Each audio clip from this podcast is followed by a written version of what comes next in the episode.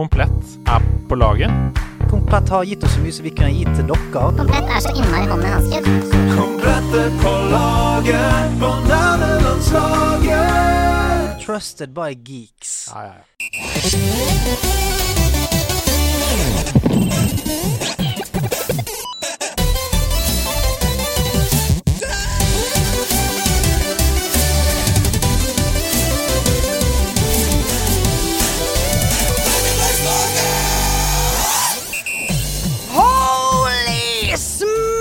Jeg blir brent av denne gløden som treffer meg i fjes og tryne og body, mind and soul. Hvor har han vært? Jo, det må være guden Hasolini direkte fra Thailand. Han er brun, han er vakker, han er en slags blanding av sexy og kul. Og søt Hasse Hope! Jeg er her, jeg er her. Dette er helt riktig, men jeg skal også introdusere en annen person. Han er en norsk visesanger, gitarist, komponist og tekstforfatter som har vært aktiv siden 1975. Han karakteriseres ofte som et ansikt for melankolien, og temaene i sangene hans er ofte kjærlighetssorg, ensomhet og tungsinn. Men han er også brennende opptatt av spill. Her er han, Andreas Hedemann. Endurance and survive. Endure and survive. Det er uh, mitt livsmotto. Nei, Ja, er det det? er Det vært trist i så fall. Ja. Det er jo selvfølgelig Joel fra The Ja, Last of Us ja, som ja, ja, sier. Endure and survive. I, i, i eh, TV-serien, da? Nei, i spillet! Å, jeg hadde glemt den replikken. Det er eh, rett og slett Vegard som skriver søkt opp på YouTube. Det er en samtale mellom Ellie og Joel. Jeg tenker det er en catchphrase i god Hedemannsson. Takk for en knall podcast. Tusen takk til deg, Vegard, som sendte inn Endurance Survive. Det føles veldig riktig måte Ja. å starte ukas episode på. Jeg har en ting som jeg skal snakke med dere om umiddelbart knytta til det. Oi, men oi, men oi, la, oss oi, ta, la oss ta det mellommenneskelige Ja. først. Det, er- det er mellom oss og sånn. Ja. Veldig hyggelig intro. Var det Thomas Dybdahl du Nei, hadde det- henta Wikipedia-artikkel til? Det var Jan Eggum. Åh, og dette er en slags ekstra konkurranse. Hvem er det det egentlig introduseres til? Det er veldig gøy. Sånne ting får man når man Ja, har meg ja, på laget. ja, ja. Hasse Hassehuskeregelen? Ja, det er ny spalte? Det er T-skjorte. Hassehuskeregelen. Hassehusken. Hassehusken. Hasse, husker du? Jeg husker Oi, det. husker du? Husker du? Eh, hvordan har dere det, Ida? Bra. Jeg har det veldig bra. Ah, deilig. Ny uke, nye muligheter. Ja da. Um, Livet smiler. Livet smiler. Mm. Purre har det fint hjemme. Mm, for de som ikke har fått med seg eh, omplasseringskatten til Ja. Ida. Ja, han er stor. Han har fått seg skjerm eh, og har akseptert livet i skjerm. Hvor mange tommer? Eh, ti. Ikke 23. En veldig, veldig liten skjerm. veldig smalt Smalt. stilt på verden. Den er brun. Den er brun, og den er god. Hva med deg, eh, Hasse? Ja, for, Det var så rart, for du sa det mens du så på Andreas. Um, og jeg tenkte, den er brun. Hva med deg, Hasse? ja, det er pent. Dette er veldig pent. Eh, Det er godt håndverk. Jeg kommer rett fra Thailand. Jeg, har vært, jeg kom der for to dager siden. Jeg har vært der i 16 dager og rett og slett fått den beste brunfargen jeg har fått uh, noensinne. Som I'm impressed. Wow! It has arrived. I'm impressed. Den er, det er så bra. Kan vi få en gang til? I'm impressed. Det der er så deilig. Altså, Fark. I am impressed. Jeg er veldig imponert over lydferdigheten til Fark. Ja. Men også over brunfargen min, for å dra det tilbake til Ja. min brunfarge. Ta det hjem nå. Den er kjempegod, rett og slett. Den kommer til å vare i tre uker. Uh, og jeg er full av energi og overskudd som jeg skal pumpe inn i nerdelandslaget i dag. Ja. Åh, Nydelig. Nydelig, nydelig. Ja, en liten Hva med deg, Andreas? Eh, hvordan har du det? Uh, det er humor for de som ser på Twitch, ikke humor her. Uh, Hasse ser rett på Ida og sier 'hva med deg, Andreas'? Jeg har det veldig bra, jeg. Jeg uh, innser at det er vinter, Ja. og at den er her for fullt. Jeg tenker hele tiden sånn Hvilke nå- hint er det du har fått nå? Hm, hint? Hvilke hint er det som gjør at du skjønner ah, oh, ja. det er vinter? Ja, det snør, ja. ja. Nei, men eh, det, jeg er jo hele tiden sånn at jeg ser framover og optimist og sånn. Jeg er ikke noe glad i vinteren, må jeg bare si med en gang. Så jeg har hele tiden kjent sånn Å, nå er det jo Nå er vi over jula, og nå er det snart vår, og Det er ikke snart vår. Nei, nei. Det er lenge til våren. Men er ikke det deilig? Jeg testa skøytene for første gang denne vintersesongen ja, i går. det så. Det er helt konge. Er du en rev på skøyter? Nei. Jeg er en Bambi på isen. Ja. Men, eh, men jeg synes det er deilig med Det som jeg synes er deilig med skøyter kontra ski, er at det er så mye uh, mindre terskel for å bare gjøre det. You're goddamn right. Produksjonen er så knallsterk. Men Det, du, vi har blitt et sånt radioprogram fra en eller annen liten amerikansk by. This is also CKY5. Well, here is our 100% right. You're goddamn right. Skøyter foran ski, sier du? Hva? Wow. Nei, men eh, ok, Hva er det du mener med at det er lavere terskel for å gå på skøyter enn på ski? eh, i hvert fall i Porsgrunn, så eh, i går, da vi innså ja, vi har lyst til å gå på skøyter Det eneste vi gjorde da, var å sette seg i bilen, ta med skøytene, stikke ut. Eller vi tok på ullsokker først. Stikke, kjøre bort til banen. Bare hive de på og hive seg ut. Mm. Kose oss en, så lenge vi gadd. Mens det, hvis du skal på skitur, så blir det litt sånn Ja, hva slags vær er det i dag? Hva slags føre er det i dag? Og så er det mye lengre for å komme dit. Og så er det en helt annen liksom, påklednings-avkledningsprosess. Mm. Min, eh, min kone Camilla sa noe veldig lurt. Hun sa hvis jeg går på skøyter, så kan jeg når som helst slutte å gå på skøyter Ja. og dra hjem. du kan avbryte når du vil. Ja, For jeg er du- på samme sted. ja, mens hvis man er på ski, så er man langt inn i marka og må på ski hjem igjen. Nå er jeg drittlei! Å nei, det er 7,5 km tilbake til bilen. Jepp. Det er godt sagt Problem. av din kone. Ja, hun er ganske smart. Um, men ja, for å plukke opp tråden fra innledningsvis, denne 'endure and survive'-catchphrasen. Dette ble også for så vidt nevnt av folk da The Last of Us-serien kom på HBO. Men det føles eh, historisk for meg nå med The Last of Us på HBO. Når jeg nå ser liksom Altså Mange ganger i spillhistorien så har jo spill som medie tatt liksom store steg for å bli akseptert ikke sant? som kulturuttrykk. Det gikk fra arkade til å bli historiedrevet og sånne ting. Men nå er det en strek i sanden. Altså Folk som aldri har spilt før, tar opp en spillkontroll for første gang. Og prøver å utforske dette mediet pga. denne serien på, på HBO. På arbeidsplasser rundt omkring det er ingen som snakker om annet. Har du sett episoden? Og Er det sant at spill kan være sånn som dette? Jeg trodde det bare bare var skyting og Ja. ikke sant? Det er, Dette er et veiskille. Ja, det er litt som uh, for eksempel 'Ringenes herre' var for bøker. At, altså, når filmene kom, så skulle alle begynne å lese bøkene. Mm. Eh, det er kjempe, kjempestort. Jeg så episoden uh, i går. Ja, jeg også. Det er, det er altså så forbanna bra. Det er så forbanna bra. Jeg tror det nesten bare kunne skjedd med The Last of Us fordi det er Historien fra før av er så bra, karakterene er så bra, Mm, og ikke minst at Neil Druckman, som sto bak manuset og historien på, til spillene, eh, er på manusfronten også i serien. Han har til og med også regi på Og regi, ja. episode to. Ja. Ja. Nå har ikke jeg sett episode to ennå, uh, så no spoilers. Men uh, hvis de får til det i episode to som de fikk til uh, i episode én, så tenker jeg at de som plukker opp eh, spillet et, altså på, basert på å ha sett serien, Mm. vil ikke få, de vil ikke bli skuffa. Nei. Eh, og det å få til den overgangen der, det er imponerende. Ja, Ja. det er sykt imponerende. Um, skal snakke litt mer om HBO og, og The Last of Us etterpå. Jeg vil bare si det, at uh, folkens, vi som er glad i spill, bare kjenn litt på dette. Jeg tror nesten vårt kulturuttrykk aldri har vært mer akseptert enn akkurat nå. Mm. Så bare se folk på jobben din, kollegaer, venner, familie og sånn. Se hvordan de snakker om det, len deg tilbake og bare få gåsehud og kjenn sånn ah, ah, Jeg føler meg sett! Ja. Takk, Bare- Neil Druckman. Druckmann. Ja, takk til, takk til. Men hva hadde det med vinteren å gjøre? Ingenting. Oh, nei, Ja. Det hadde noe med endurance survive. Oh, ja, ja, ja, jeg med. Ja, med. det har jo noe med vinteren å gjøre. Absolutt, For det er det eneste vi må. Det er Ja. endurance survive. Um, det er meetup på lørdag! Her på House of Nerds, hvor vi sitter nå. Um, det kan se ut som Komplett kommer. Er de på laget? De er på laget. Om andre år så kan det bli giveaways. Oi sann! Giveaways. Kaching! Kachingo, som vi pleier å si, da. Vi er ikke helt som vanlige som sier kaching, vi sier kachingo. Kachingo. Ja. Um, og det kan bli uh, opplegg. Sikkert noe quiz-greier. Uh, det er jo litt sånn uh, andre tilbud i nærheten av House of Nerds. Syng ligger rett borti gata. Kanskje skal gå inn og synge litt eh, Take On Me. Nå skal jeg ikke si hva det er fra. Hvilket, uh, hvilken spill Hvilket spill B det er fra? blunk til visse lyttere som tar referansen! Eh, så kom, da, på House of Nerds. Vi er her fra tolv, vi. Kommer til å bare henge her hele dagen. Eh, helt til det stenger på Njerta. Eh, det blir hyggelig. Så har vi også gleden av å annonsere noe utrolig gøy. Få høre. What? Nå er jeg spent. Vi skal gjennomføre ti timers stream for å sette fokus på toxic gamingkultur! Ja da! Lørdag 4. mars så skal vi, vi streame. det! Vi Ja! trenger det! Vi skal streame i ti timer sammen med Medietilsynet, NTNU, en rekke andre partnere som skal gønne på mot toxic eh, gamingkultur. Lørdag 4. mars, ti timer skal vi streame. Ti timer. Eh, det blir veldig gøy. Noen av ideene Vi skal ha workshop den uka som kommer nå. em, og noen av ideene som vi har. Og jeg håper så sjukt at vi får gjennomført det. Eksempel Toxic Gaming Bingo.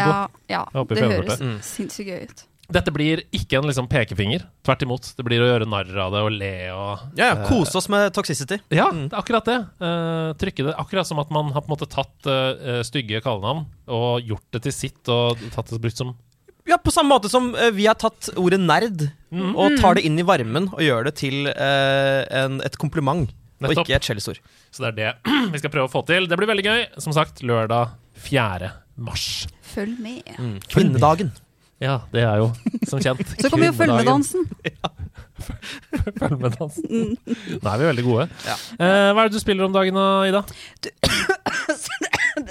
Hasse. Ja, jeg kan, jeg kan snakke i mellomtiden. Uh, dette er regissert. Hun har planlagt dette hosteanfallet i mange uker. Ja, for å få tenketid. Ja, Det blir jo ikke Altså, jeg liker jo å komme hit med et vell av spill som Ja. jeg har spilt siden sist. Ja. Det er viktig for meg. Eh, og hvis jeg merker at nå nærmer det seg episode, og jeg ikke føler jeg har spilt nok forskjellige spill, så spiller jeg Plutselig så bare finner jeg noen spill og spiller det. Fordi jeg har lyst til å snakke om spill. Kan jeg bare si én ting? Du kan si hva du vil. Er det positivt? Ja! Eller føler du at det er en, uh, et lodd som ligger på dine skuldre? Ikke et lodd, fordi uh, jeg spiller alltid spill.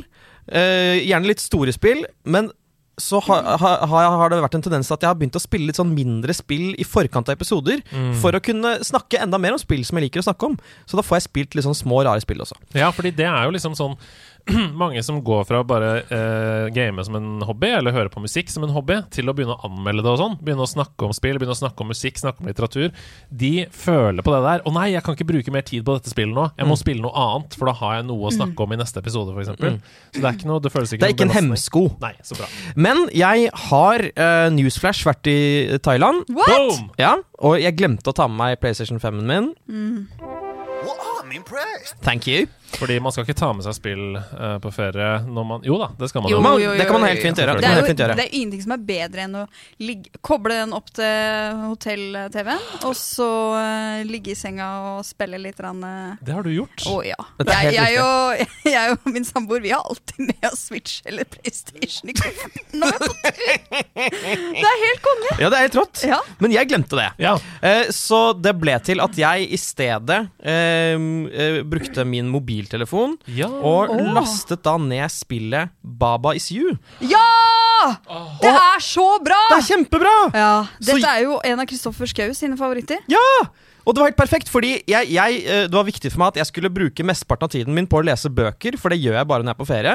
Så det var liksom brorparten av tiden gikk til. Men når jeg da liksom kom inn på hotellrommet, steka etter huden og skikkelig varm inn i aircondition, da var det opp med Baba Is You.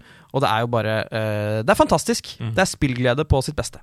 Fortell eh, til de lytterne som ikke har hørt på Sidequesten, der hvor Frida Damo annet fortalte om inngående om hva reglene er i uh, Baba Is You, uh, eller episoden med Kristoffer Schau, der han fortalte om det. Fortell om hva det spillet er. Jeg uh, syns det er vanskelig å forklare det, men jeg skal prøve. Ja. Uh, du eh, spiller eh, Baba.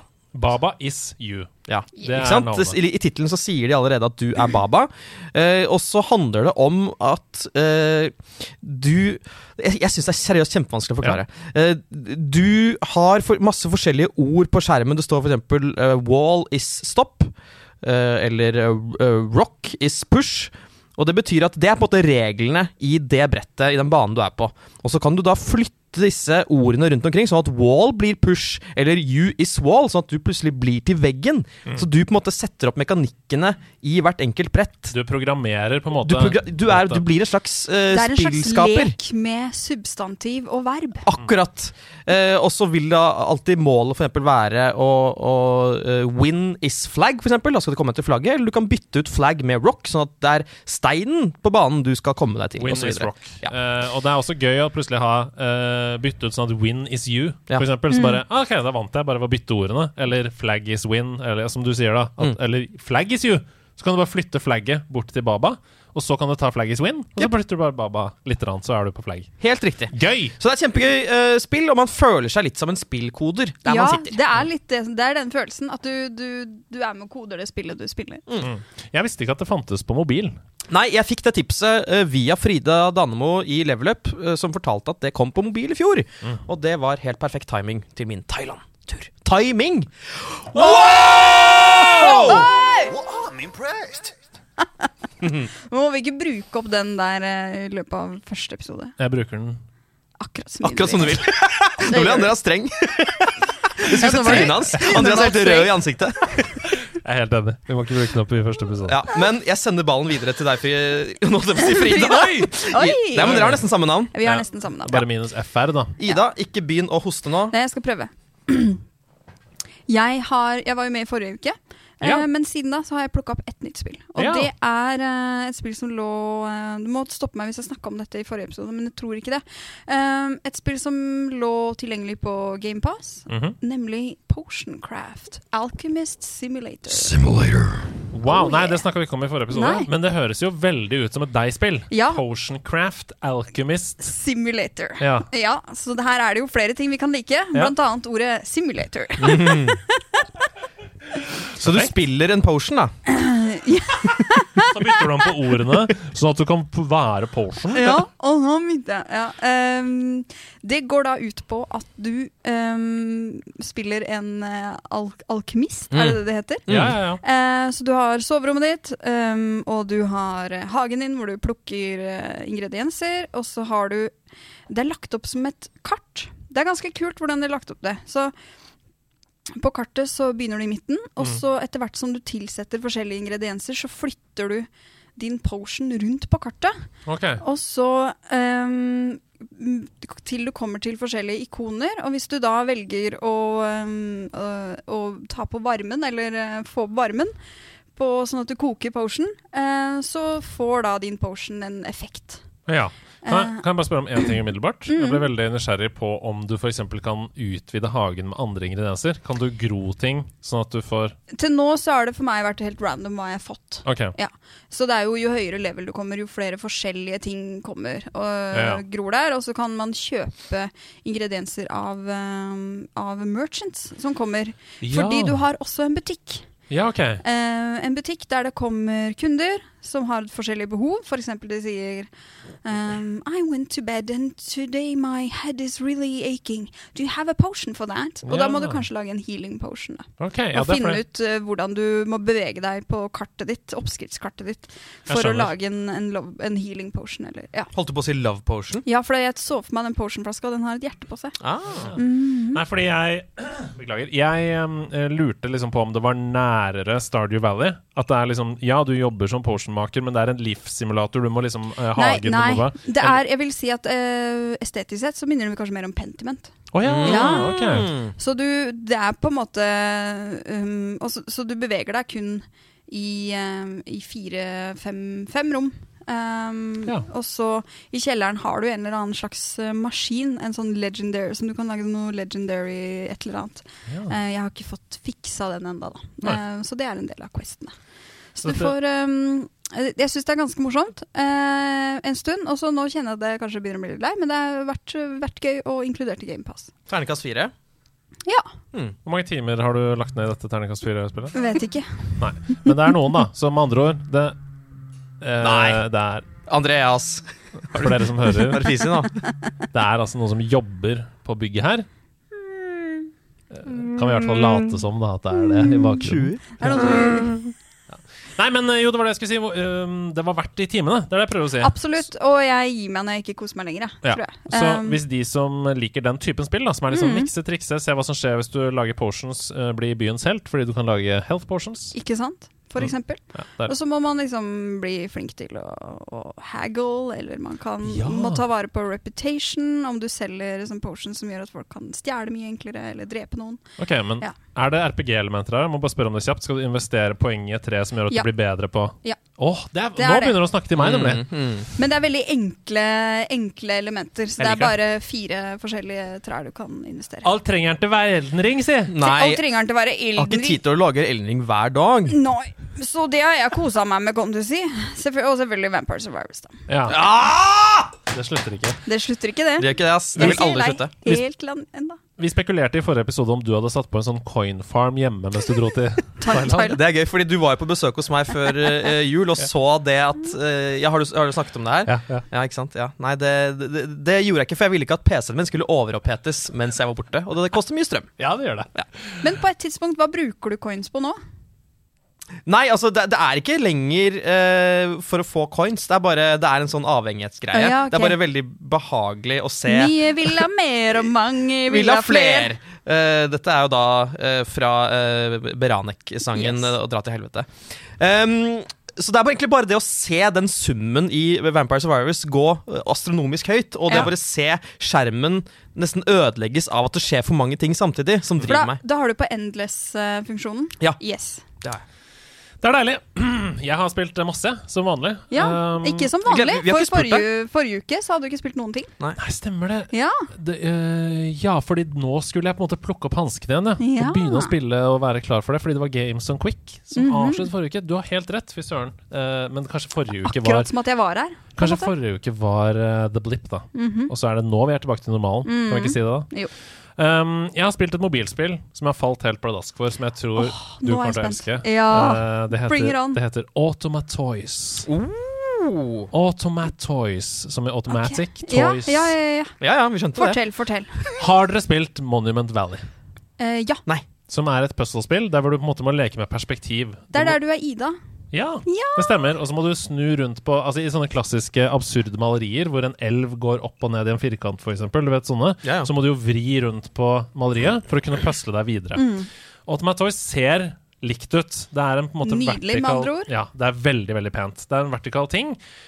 Har dere spilt det gamle uh, brettspillet Mousefelle, eller Mousetrap, som det heter på engelsk? Nei. Vi hadde, Nei. det, vi hadde det i tysk versjon. Å ja, nå skjønner jeg hvorfor du sa det sånn. Maugefell. For det er jo en slags Rube Goldberg-maskin, hvor du må slippe en kule fra et sted, og så skal den gå mange steder. Um, og det er Automatoys. Du putter på en coin, going, som i en arkademaskin, så kommer det en kule ut et okay. sted på banen. Den kula skal du frakte rundt i denne automatiske maskinen helt til mål. Oh, Ja, er Så du skal justere på ting Ja. i banen for Ja. å få den til å gå videre? Du må dra ned en spak, så må du dra opp en annen ting, så må oh, du pushe dette og det her er- er Oh, Jeg setter det til bare- nedlasting nå, jeg, Andreas. Det er kjempegøy, og det er så utrolig sånn oddly satisfying. Når du, for etter hvert så må du jo sette i gang prosesser på likt og sånn, sånn at hvis du ikke har eh, vann ut av den tingen når kula kommer dit mens du holder på med noe annet, så går den tilbake til start, f.eks. eksempel det er så deilig. Um, og jeg elsker den modellen som spillet er lagt opp til. Fordi du kan spille gratis de, det. de tre første banene.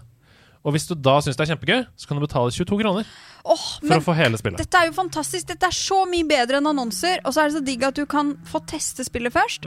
Bli litt hekta, få noen smakebiter. Det er veldig vanskelig å ikke tenke på lyden ja, som er bak oss. en, Ja, mm, mm. Det er en uh, pruttemaskin i huset. ja få litt smakebiter. Ja, Få litt smakebiter, og så bestemme deg Vil jeg ha dette spillet, eller vil jeg ikke ha dette Det er en spillet. og eller modell. betale for det. Og Mm. 22 spenn, hva er det? En Snickers. Jeg sier som jeg sa om Kate Moss på 90-tallet, det er en kul modell.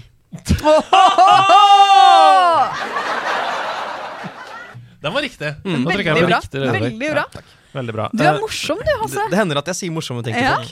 Jeg pleier å gjenta det jeg har spilt på slutten, sånn at folk som ikke fikk det med seg innledningsvis Automatoys. Automatoys. Jeg vet ikke om det er på Apple Arcade. Det kan hende.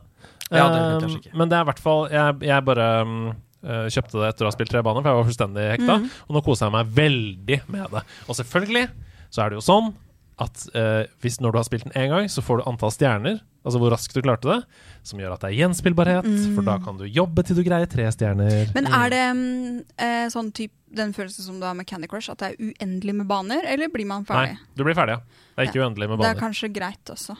Ja, og så blir det eh, mer og mer komplisert og vanskelig. Mm. Sånn at det er mer og mer Det er en læringskurve. Og det, jeg, jeg, altså jeg liker det kjempegodt. Det, jeg fant det fordi det var på forsiden av Apple, altså IOS AppStore, Mm. som en sånn 'vi anbefaler', og det skjønner jeg hvorfor. For det er veldig bra. Kult. Takk. Så har jeg spilt Axiom Verge 2.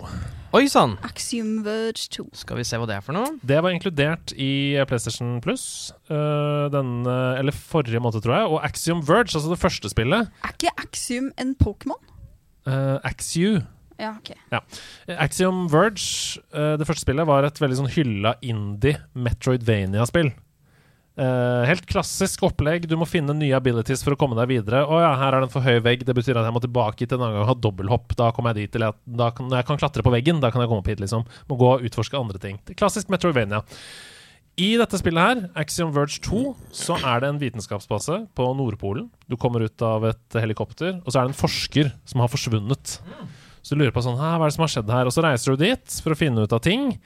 Og veldig kjapt da, så blir alt snudd på hodet, og alt er weird, og det skjer rare ting. Nei! Jeg har ikke lyst til å spoile hva det er som skjer, men um, det er veldig bra. Det er veldig gøy å spille. Altså, det er jo først og fremst et gameplay-heavy spill. Um, med en gang, du blir kasta ut i det med en gang. Du skal, du skal game her, liksom. Uh, men jeg Jeg tror jeg snakka om dette i nederlandslaget før òg. Jeg har litt fatigue på Metroidvania-spill. Uh, jeg sliter litt med det nå. Jeg sliter litt med den derre Ja, nå kommer jeg til en vegg, så da må jeg backtracke og lete et eller annet annet sted i dette mappet for å se om, om den uh, abilityen Ja. er der. Jeg sliter litt med det. Jeg tror jeg trenger å spille litt mer lineære opplevelser. Jeg tenker Um, Det er et eh, med sånne type spill som du nevner der, det krever liksom et eller annet sånn eh, overskudd, Ja. vil jeg si. Spilloverskudd. Ja, et spilloverskudd. Og, og, og eh, når man ikke har det, så skal man ikke pushe på det heller. Mm. Du må vente til den meteren lader seg opp igjen. Ja, og det kommer til å komme, altså. Eh, jeg merker det. Men eh, og jeg kan bare si, basert på de to timene ish jeg har spilt, at det er for de som liker Metrovania, så er det perfekt. Det er kjempegøy. Um, gameplay er veldig bra. Det er vanskelig, utfordrende, og eh, byr på overraskelser hele tiden. Så Metrovania-folk, uh, spill det. Super Mario 64. Har du spilt det? Er, er det sant? Ja, jeg har spilt Super Mario 64. Hvorfor det? Fordi jeg satt på Switchen min, og så datt jeg over den gamle packen vet du, med Sunshine og Galaxy og Super Mario 64. Ja. Super Mario Allstar Nei, hva var det det het igjen? Det, super, ja, altså Det som kom til Switch som ikke går an å laste ned lenger? ja, Husker ikke? Super, det, det heter noe med Allstars. New Allstars eller noe sånt. Fordi det er basert på det gamle Allstars-spillet. Anyways, jeg fant det uh, i menyen. Så tenkte jeg sånn Å ja, shit. Det forrige gang jeg spilte så runda jeg jo Galaxy. Men hvor langt kom jeg egentlig i Super Mario 64? Hmm, det får jeg lyst til å sjekke ut. Og det var fredag kveld. Ja, Kamel ja, hadde lagt seg. Tenkte sånn Jeg trenger litt yahoo i livet mitt. Så jeg åpna det, og da så jeg vet du på save-fila 55 stjerner. Oi. 55 stjerner. Er det litt sånn TikTok-klokk-moment her nå? Ja, fordi det man trenger for å runde det, for å komme til siste boss Altså det er jo 120 i spillet, men du trenger bare 70 ja. Ah. for å komme til Bowser. Og da så jeg på klokka, det var sånn kvart over 11. Jeg tenkte sånn Klarer jeg 70 pluss Bowser i kveld? 15 stjerner til, pluss uh, siste level. Klarte det. Oh yeah! Hvor mye var klokka da du Ett, cirka. Ja. Uh, så Well, I'm impressed. Ja, oh, I'm impressed! I'm impressed too! Ja, da, det ble ikke jingle denne gangen, uh, fordi jeg fikk beskjed om å ikke bruke den opp. Andreas, ikke bli så sint. Nei, men øh, Så da dro jeg øh, lette litt rundt i slottet. Jeg, hadde jo ikke, jeg har ikke spilt det på lenge, så jeg visste jo ikke hvilke baner som jeg ikke hadde tatt stjerner i og sånn. Men jeg vet at den, der, den der spøkelsesbanen på Paxin, den syns jeg alltid er skummel. Så den hadde jeg selvfølgelig ikke begynt på. Så da, For en pingle du er. Ja, så da tok jeg åtte stjerner på den. Og så kom jeg meg til Bowser, og det, var, det er jo et dritbra spill fortsatt. Ja. Altså, det eneste det spillet sliter med, øh, mener jeg da, i 2023, det er kameravinkel. Det er det eneste det sliter med. Mm. Uh, ellers så er det plattformspillenes plattformspill. Deilig med spill som har eh, den gjenspillbarheten, og som bare Mm. Fortsetter å være gode. De burde lage en eh, full remake av den. Ja, de, ja, altså Mange vil jo si sånn Ja, det neste spillet som er full remake, er jo Super Mario Odyssey. Vil jo sikkert noen si. Ikke sant? Jeg syns ikke det. Jeg syns det er for åpent. Det er for uh, andre veien igjen. Altså Super Mario 64-banene, TikTok Clock for eksempel, da, er jo ganske lineære.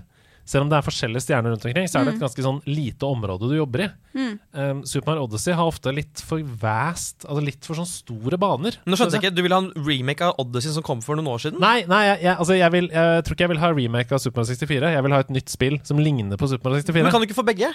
Jo da. Hvis de setter, de setter et lite team, de har masse penger i Et lite team. Et lite team til å lage en sånn remake av den. Ja. ja. Eh, jeg vil heller ha et nytt. Men eh, at jeg, hvis jeg kan få begge, så tar jeg ja takk, begge deler. Sånn som Ole Broms. Olis Brumser. Ollis Han vil Brom. både ha honning og Hva er det, hva er det egentlig han sier eh, ja takk, begge deler til? Husker dere det? Spist er spist, og bæsj er bæsj? Nei.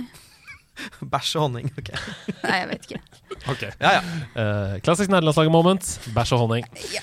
Um, og så var veien kort da videre, etter at jeg har spilt Super Mario 64, bort til den der Super Nintendo Online-greia, som ligger også på Switch. Um, for de som ikke vet det, vi har snakka litt om det nederlandslaget før. Hvis du har et online-medlemskap, så følger det med spill til Super Nintendo og spill til Nintendo sånn på den. Og da koste jeg meg bare noen timer jeg, i Donkey Kong Country 2. Det, du er, eh, det, for deg så er altså på en måte Nintendo Det er en slags rabbit hole. Ja, det er det. Ja. Eh, eh, Så vidt når jeg dypper nesa i, så klarer jeg ikke å Nei. putte, ta nesa ut igjen. Hvor fikk du for Donkey Kong Country 2? Fordi jeg spilte veldig mye Donkey Kong Country 1 da jeg var liten. Eh, men så innså jeg da jeg så det coveret, at jeg tror kanskje jeg bare har runda dette én gang. Jeg. Eh, oppfølgeren. Og jeg, Donkey Kong Country 3 har jeg ikke runda. I det hele tatt. Nei. Så jeg, jeg begynte å spille det, og det er veldig fascinerende å se disse spillene, altså Donkey Kong Country 2, med nerdelandslaget i øynene. Altså Da mener jeg etter at jeg begynte å på en måte eh, analysere spill, anmelde, snakke om spill på en annen måte, og se hvordan banene er bygd opp i Donkey Kong Country 2 f.eks. Hvordan det er puzzles eh, egentlig gjemt i banene, hemmeligheter, eh, hvordan du kan bruke eh, abilities til å nå steder du egentlig ikke kunne. Det er jo ting man bare tenker på som en del av gameplayet når man er barn. Når du er voksen, så tenker du sånn ah, Smart. Mm. Smart. Eh, Da vil jeg komme med en liten anbefaling der. Og eh, Det er rett og slett eh, altså Videogame Donkey. Han, før jul så hadde han en serie med videoer der han går gjennom samtlige spill som Donkey Kong eh, dukker opp i. For det, det er jo hans eh, fa- favorittspillserie. Det er derfor han heter Video Game Donkey. eh, som er kjempegøy og bra og interessant å, å lære om. Er. Der han liksom går inn på nettopp analyserer hvorfor er dette gode spill, og hva er det som funker her. Det er kjempebra. Jeg har sett alle videoene. Eh, Det var sikkert også i bakhodet mitt da jeg så dette i menyen. Men den er dritbra, denne serien. Gå inn og se det. Eh, samtidig, gå inn og se Naked Jakey sin 40 minutter lange analyse av Red Dead Redemption 2. Fantastisk! Hvis du, hvis du fortsatt syns det er et bra spill, Ja, men det, se den videoen og blir overbevist om det motsatte. Oi! nei, men han er, det som er at han legger mye kjærlighet i den videoen. Fordi han elsker Rockstar, han elsker universene. Og han sier ikke at det er et ræva spill. Neida, han bare neida. påpeker de tingene som vi også kanskje syns Ja, jeg, jeg er- spissformulerer Ja. for å få reaksjoner fra lytterne. Det er du ekspert på. Jeg skal snart slutte å snakke om ting jeg har spilt. Uh, jeg har også nemlig kost meg gløgg med en ny delelse til Citizen Sleeper, Citizen Sleeper. som er helt gratis. Var det um, søvnig? Nei, men det var på min topp uh, fem-liste over Game of the Year i, -hmm. i fjor. Um, og det er Hvordan klarer de å følge opp uh, Ja, altså, jo mer jeg tenker på det, uh, jo mer føles det veldig urettferdig at jeg ikke ga det Game of the Year. Ja, okay. Oi! Oi. Over Elden Ring? Ja, Ja. ok. Det Fordi jeg- jeg Lett over Elden. Oh! ja, skal, vi ta, skal vi gå utenfor, eller? Jeg tør ikke. Ok. Du ser så brun og mektig ut Ja, i dag. veldig mektig og brun. Men jeg syns ikke problemet er å si over Elden Ring. Jeg syns at vi kanskje må gjøre noe med listene våre. For jeg syns ikke det går an å sammenligne det å trene banesykling med å hjelpe til på eh, Frelsesarmeen som en eh, ting på fritiden. For det er forskjellen på Elden Ring og uh, Citizen Sleeper. Begge deler er spill. Jeg mener man må sammenligne. Men uh, det- der kan vi ha en lang debatt, tror jeg. Hvordan kan man sammenligne Tetris 99 og Elden Ring? Ved Det hvor- ene er mye morsommere enn det andre. Det flyr Weggimellom. Weggimella, A weggy Jeg mellow, kommer- I will destroy you. Det er en ny sånn soundbite. I will destroy you. Det er hyggelig. Fark, du har en kjenner med besøkelsestid. Neste gang vi har gjest, I will destroy you. Ja. Nei, men uh, Nei, nå, nå fyrer jeg veldig hardt under. Ja da. Nei, jeg tenker at uh, Poenget mitt var bare Går det an at vi kanskje ser på til neste år kategorier eller noe sånt? Ja. Uh, jeg vet ikke. Jeg vet ikke. Jeg skjønner hva du sier, at man kunne, fordi begge er spill. Ja, Da- men Hva hvis vi har én objektiv og én subjektiv? Nei, det, jeg, jeg, er, vi ikke bare, er ikke vi utelukkende Jo da. jo da Og jeg, jeg mener fortsatt at Elden Ring Men fortjener å om være igjen foran. så er det Men hver gang, poenget med Citizen Slipper som et spill, er at hver gang jeg skrur på det spillet, så tar det seriøst ett minutt Ja. før jeg føler at jeg er i i spillet. spillet. Eh, at jeg tar på tingene Det som er er der. At jeg lukter maten. At jeg uh, kjenner de jeg snakker med. Alle ordene er bare sånn Det treffer meg sånn Og det er bare tekst! Det er bare tekst! Det er ikke noe voice acting i det hele tatt! Og det sier bare noe om hvor bra det spillet er. Jeg har snakka nok om det. Uh, men ja, den tredelte delscenen, det er en historie om hva som skjer når det da kommer et sånn slitent og skadet og uh, haltende romskip eh, til den romstasjonen som du er på, som er full av flyktninger eh, i det skipet. Og den romstasjonen som du er på, syns ikke selv at de har plass til de flyktningene som kommer. Så hele historien eh, i den delscenen handler om at du eh, rives og slites mellom at de liksom ligger i sånn limbo utenfor der, de flyktningene, i space utenfor romstasjonen, og kommer til å dø hvis ingen hjelper dem, og du prøver å smugle ting ut til dem, og fram og tilbake, og sånn, og det blir komplikasjoner inne i stasjonen, og det blir komplikasjoner der ute, og ja. Superetisk dilemma, da. Veldig, og veldig selv om det er satt til en eh, sci-fi-verden, der hvor du annet er en person som lever i en fiktiv Altså, du, du ligger i en kryosøvn et annet sted og betaler ned gjeld via en kropp, så hjernen din er kobla til en computer, og det er masse sånne greier. Selv om det, så er problemstillingen veldig menneskelig, og veldig noe som vi kommer til å kjenne på uh, ved global opprydding og klimaflyktninger, f.eks. Har vi plass til de som kommer? Mm. hvordan skal vi løse det? Og så, videre. så det føles som paralleller til virkeligheten. Men føler du at denne DLC-en tilfører noe til spillserien, eller, eh, eller er dette unødvendig? Er det smør på flesk? Hva, hva er din tanke rundt det? Nå har jeg spilt to av tre episoder i denne trilogien som handler om dette flyktningproblematikken. Uh, og det er en helt ny historie i samme univers. Ja. Så det kunne like gjerne vært et oppfølgerspill. Okay. Det har på en måte ikke noe med den historien som du opplever når du spiller Citizen Sleeper, grunnspillet. Det har ikke noe med det å gjøre, annet enn at du spiller jo samme karakter, Ja. så du er mer kjent med vedkommende. Mm. Um, så derfor så syns jeg det står helt uh, fjellstøtt på egne bein. Så de som likte hovedspillet, får bare mer, Ja. på en måte. Og det er Uh, deilig når det er sånn. Ja, det er veldig deilig. Ja. Jeg liker det godt.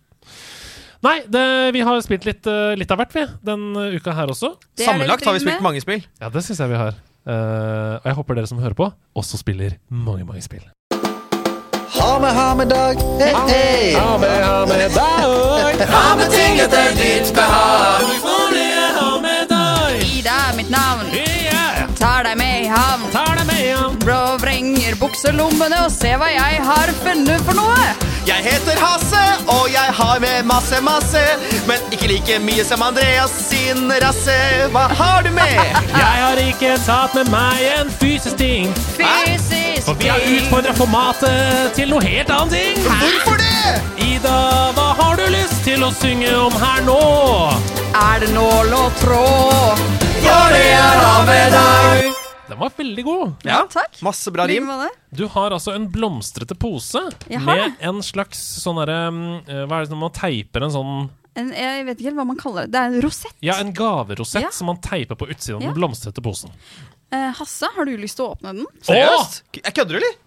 Hun kaster nå denne Den er ikke gaveposen. til deg, men den er til deg midlertidig. Du kan få gleden av å åpne den. Hasse ble veldig skuffa umiddelbart. Gratulerer med Ja. dagen! Ok, nå Jeg tar Jeg ser ikke, jeg ser ikke, og jeg tar det opp. Hva i alle dager? Hva er det, Ja. hva er det? det er en liten uh, Det er et, et, et broderi. Det er et broderi! Wow! Ja. Her bor Fredrik og Ida! Dette Ja. er stor kunst. Takk. Beskriv. Eh, jeg, eh, for en av mine hobbyer, som jeg ikke har snakka så mye om her, er jo at jeg liker å drive med broderi og korsting. Det er jo helt utrolig, og jeg ser jo det, fordi bak eh, Hasse på veggen her så henger jo også din perlede Ja. Patrion-perler-ting, som jeg... ligner på broderi og korsting. Ja, for jeg liker jo jobber i, i pikselformat. Altså, du er en kunstner. Du er en eh, kunstner med hendene dine. takk. Tusen takk. Nei, jeg syns det er kjempegøy å holde på med håndarbeid. uh, og, uh, så jeg fant ut at til bursdagen til min samboer så skulle jeg lage et, um, et lite skilt der det står 'Her bor Fredrik og Ida'. Ja. Og nå må jeg jo eh, fylle på mer, da, ettersom Purre. Purre har kommet inn i the game. Ja, for han har sett det. Ja, jeg, Ja, ja, ja. Og han ble glad. Han ble veldig glad. Han ble veldig Glad med dag. Ja. ja. eh, Du, og Purre, mener du? Purre har sett det og ble glad? Purre har ikke sett det ennå. Jeg, jeg, må- jeg må brodere i navnet hans før han kan få se Her det. på sånn Fredrik, blir- eh, komma, Purre og Ida. Ja. For det er det plass til. Ja, det er det faktisk. Åh. Det blir veldig bra. Um, så jeg vil jo anbefale alle som eh, ønsker seg en hobby. eh, eh, Cross-stitch-miljøet online er ganske bra. Kan vi få til en kanal? Ja. Nei, vent da, vi har jo det, håndarbeid eller kunst og håndverk eller noe sånt. har vi. eh, ja, ok. Underkanal som heter uh, Korsting. Korsting. Ja. Kan jeg bare spørre om en ting? Ja. Det høres ut som jeg nå prøver å dra ut tiden og lage mer innhold. Det er ikke det jeg prøver. Jeg er oppriktig interessert i hvordan man gjør det. Altså, Hvordan begynner man å drive med brodering? Eh, godt spørsmål. Ehm, jeg synes jo Jeg har alltid syntes Eller jeg tok det egentlig opp litt sånn inspirert av geriljabrodering, som har vært en greie hvor man bruker korsting som er assosiert med noe veldig søtt og uskyldig og litt sånn husmoraktig, og skrive kanskje noe offensive eller Ja, Oi sann. ja, not today, Satan. Nei, er Altså det noe noen hyggelig, da? Flotte roser og sånn. Det er jo kjempegøy. ja. Det er sånn balletryne eller noe sånt. Ja. Det står- Og så er det noen hjerter og noen flotte blomster og ja, det er kult. Sånn veldig, det er min humor. Ja. Um, så det jeg vil anbefale, hvis du skal eh, sitte der hjemme og tenke ah, dette har jeg lyst til å prøve, er Eh, man får kjøpt eh, Man bruker da et stoff som heter Aida-stoff, som er sånn eh, rutenett. Det får man kjøpt mye billigere på en del i metervare på en del eh, eh, stoffbutikker. Mm. Um, det er ganske dyrt for en liten uh, lite kvadrat på hobbybutikker. Uh, Sjøl så prøver jeg å kjøpe tråd uh, på bruktbutikk. Når jeg kommer og ser alltid etter om det er noen broderipakker eller et eller annet sånt noe der, som, Ja. eh, der jeg kan eh, få kjøpt eh, billigere tråd. Ellers så er det jo sånn Panduro og det ene og andre. Så vil jeg anbefale Det er en gruppe på Facebook som heter Cross-Stitch Nerdy and Uncensored. Som, der det er eh, meget høy aktivitet, mye gode tips og masse inspirasjon. Jeg elsker det. Uh, altså, håndarbeid is the new uh, punk. Oh yes, oh yes. Så begynn med et lite, et lite motiv, og finne ut om du liker det. Og så er det Jeg syns det er en veldig fin gave, eksempel, å gi. Perfekt. Jeg har med meg et uh, tips, og Ja. det går uh, hånd i hånd med det vi snakka om helt innledningsvis. Jeg har nemlig en anbefaling om å høre på Altså Først så går du og ser The Last of Us-serien på HBO, og så hører du på The Official Podcast etterpå. Oh, som er HBO sin. For der sitter altså programleder Troy Baker, som er Joels stemmeskuespiller da, i spillet, Ja, ja, ja. og snakker med produsentene Craig Mazin fra Tsjernobyl og Neil Druckmann. og Neil Druckmann, som er produsent og forfatter da, av The Last of Us-spillet. De tre sitter og snakker seg gjennom Hver episode er knytta til episoden av TV-serien. Så episode én handler om episode én i TV-serien. Episode to handler om episode to. Så det er som å du, Digg. Du ser eh, episoden, og så kan du høre på kommentatorsporet på en måte etterpå. Hvor de forklarer om hvorfor de har tatt de forskjellige valgene som skiller seg fra spillet. Hvor de forklarer om betydningen av musikkbruk der og der. Hvor de snakker om hvorfor de har gått Ja, jeg kan ikke spoile, men de Nei. snakker om konkrete ting som man lurer på når man har spilt spillet og så ser serien. De, de gir deg alle svarene. Mm. Det er, så, det er så full pakke. Ja, og det Ja. er jo bare masse kjærlighet. Det er det som er greia. Troy Baker snakker masse om hvor fantastisk han syns eh, det er å se Pedro Pascal gjøre den rollen. Eh, Craig Mason snakker om hvor utrolig be mye han beundrer uh, Neil Druckmann og andre veien. Neil Druckmann sier sånn Det var en drøm for meg å jobbe med han fra Tsjernobyl, og så snakker de om hvorfor de ser fellesnevnere mellom Tsjernobyl-serien og HBO-serien. Det er bare supernerderi! Mm. Det er helt magisk bra. Så mm, det er tips fra meg. Finnes den også i visuell form? Uh, vet du hva? Det tror jeg. Ja. Jeg tror den finnes på YouTube-kanalen til HBO. Uh, det er jeg ikke 100% sikker på. Jeg liker å høre på den når jeg på en måte eh, pendler, for Ja, eksempel, ja, ja. på toget. Men uh, det kan godt hende den finnes i visuell form. Jeg mener at jeg Jeg, jeg, jeg googla det litt i stad, jeg mener at det kom opp et treff. Så ikke ta det for god fisk, men sjekk, da. Kan man høre på episoden samtidig som man ser episoden? Jeg ville ikke gjort det. Fordi ofte så klipper de til ting som skjer i episoden og sånn. Og, og, og kommenterer sånn oppå manus og sånn. Så da ser du på en måte ting før. Du hører det før det skjer. Det som fascinerer meg mest, var at Hasse syns den Jeg synes det var var så morsomt. Jeg synes, jeg, noen ganger syns jeg mine egne vitser er altså så morsomme. Men jeg har aldri sett deg være så fornøyd. Jeg ser, um, jeg ser i chatten her også på Twitch, for vi streamer også dette på Twitch til de som har lyst til å begynne å se på det. Eh, det er Sofie som sier Jeg har hørt begge episodene av den podcasten i dag. Veldig, veldig bra. Mazin gjorde også det samme for Tsjernobyl. Ah. Den podcasten anbefales også. Så hvis man likte den serien, som jo er Fantastisk serie. Herlig. HBO, Ja. så kan man høre på den Også. Man kan også se på Last of Us med Tsjernobyl på øret. Samtidig.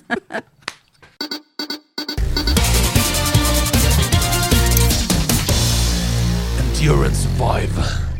Mitt navn er Andreas Edemann, og det her, det er Nerdenytt. Ja da, dere. Vi skal diskutere nyhetene, vi. Har du noen nyheter, da? Jeg har noen nyheter til dere. Oi, har det skjedd hel noe nytt denne gangen? da? Ja da, to og et halvt år etter lanseringen av Marvels Avengers så går spillet mot nedleggelse, rett og slett. Det skriver gamer.no. Utvikler Crystal Dynamics bekrefta i forrige uke at eh, den 31. mars kommer en oppdatering som gir samtlige spillere tilgang på alt som er og har blitt lansert da, av kosmetiske gjenstander i Marvels Avengers gjennom tidene. Støtten for spillet, altså både brukerstøtte, eventuelle oppdateringer for å fikse feil osv., fortsetter fram til 30.9. i år, før spillet fjernes fra alle nettbutikker. Går ikke an å kjøpe mer.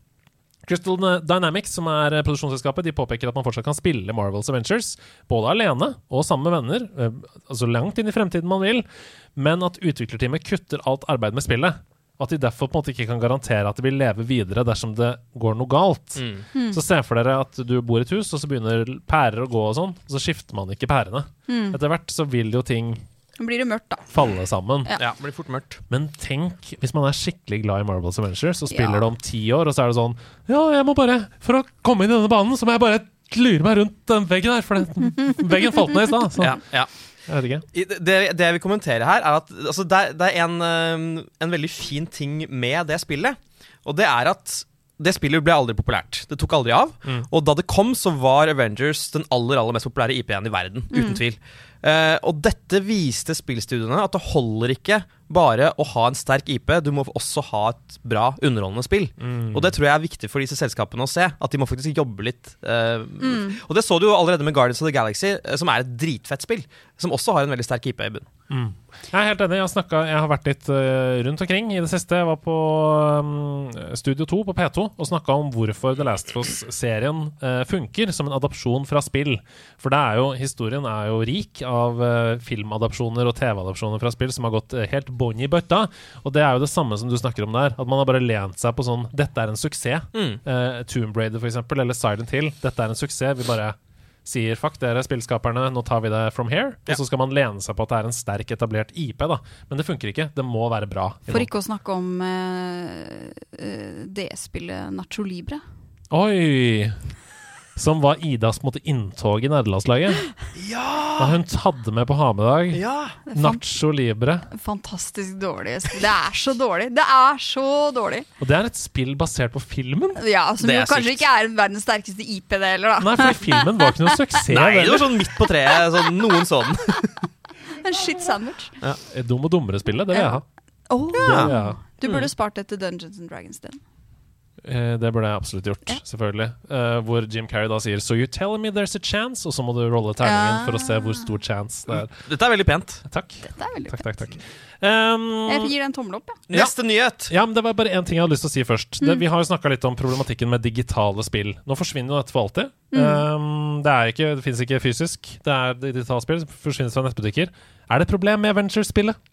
Eller er det greit? Det er jo på en måte greit. Altså sånn Prinsipielt så burde alle spill som Ja. noensinne er laget, uh, kunne oppdrives. Eh, men uh, Det krever ikke så mye av oss heller. Kom nei, igjen, da. det gjør ikke det. Eh, selv om dette da isolert ikke er en sorg for noen. Men dette er litt sånn etisk dilemma òg. Hvilke spill er det som skal være greit å, og lagre for all fremtid, Ja, og og det blir jo en subjektiv greie, da. Mm. Fordi For de som har elska dette spillet, Ja. så er det jo supertragisk. Man må bare ha et flatt prinsipp på at Kom Alle. igjen, alle spill. Ja. Enig. Alle som har blitt publisert et eller annet sted. Mm. Enig. Bra! Microsoft de skal kutte betraktelig antall ansatte. De varsler at rundt 10 000 personer kommer til å miste jobben i år. Det skriver pressfire.no. Det er mange kilder her. Ifølge Kotaku og Bloomberg så kommer disse oppsigelsene ramme flere spillstudioer under Xbox Game Studios-paraplyen.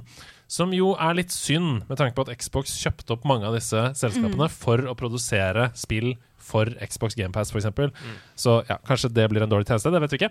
Men dette inkluderer da oppsigelser i 343 Industries, som er kjent for Halo Infinite, eh, Bethesda, som er kjent for Elder Scrolls, Fallout, Starfield osv., og, så videre, og The Coalition, som er kjent for Gears of War 4, 5 osv. Flere av de ansatte de skal da være veteraner med mer enn ti år i disse selskapene, ifølge Bloomberg. Det som er greia her, er at Microsoft ansatte utrolig mange mennesker under pandemien.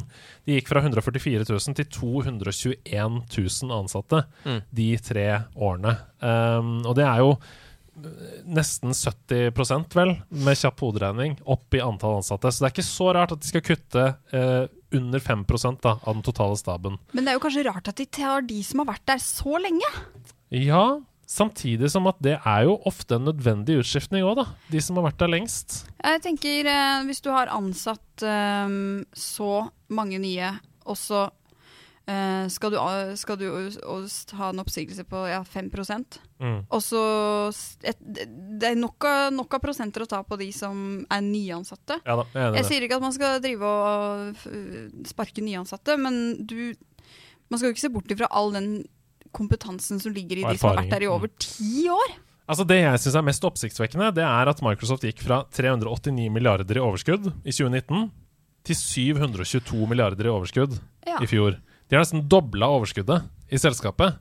Det er usannsynlig mye penger. Og nå vet vi jo veldig lite om de nyeste regnskapstallene. Vi vet ikke om det har stupt i år, liksom, som fører til at de tar grep allerede nå. Men det er jo veldig spesielt på papiret. Hvor skal pengene gå, da? Kjøpe nye selskaper, sikkert. Nye spillselskaper. Men de kan jo ikke drive og kjøpe opp for å kutte ned. Da må de la være, da. Ja, Samtidig som det kan hende at de tenker sånn vi skal strømlinjeforme mer, og vi har med erfaringen vår så ser vi at disse stillingene er unødvendige og sånn. Men Ja. samtidig Jeg syns det henger veldig dårlig på greia på at man nesten dobler overskuddet og sier opp 10 000. Ja. Det, det kan godt hende at det er helt riktig gjort økonomisk, men utad, merkevaremessig, så Mm. ser det ikke så veldig bra ut. Nei. Um, Jeg syns spillindustrien Det er så mye rart som skjer. For det virker som det går både sinnssykt bra og sinnssykt dårlig samtidig. eh, Intertwined. Jeg skjønner ikke, er det, Driver de bare og skal ha masse penger? Er det noen som må ta ut masse penger her nå? Mm.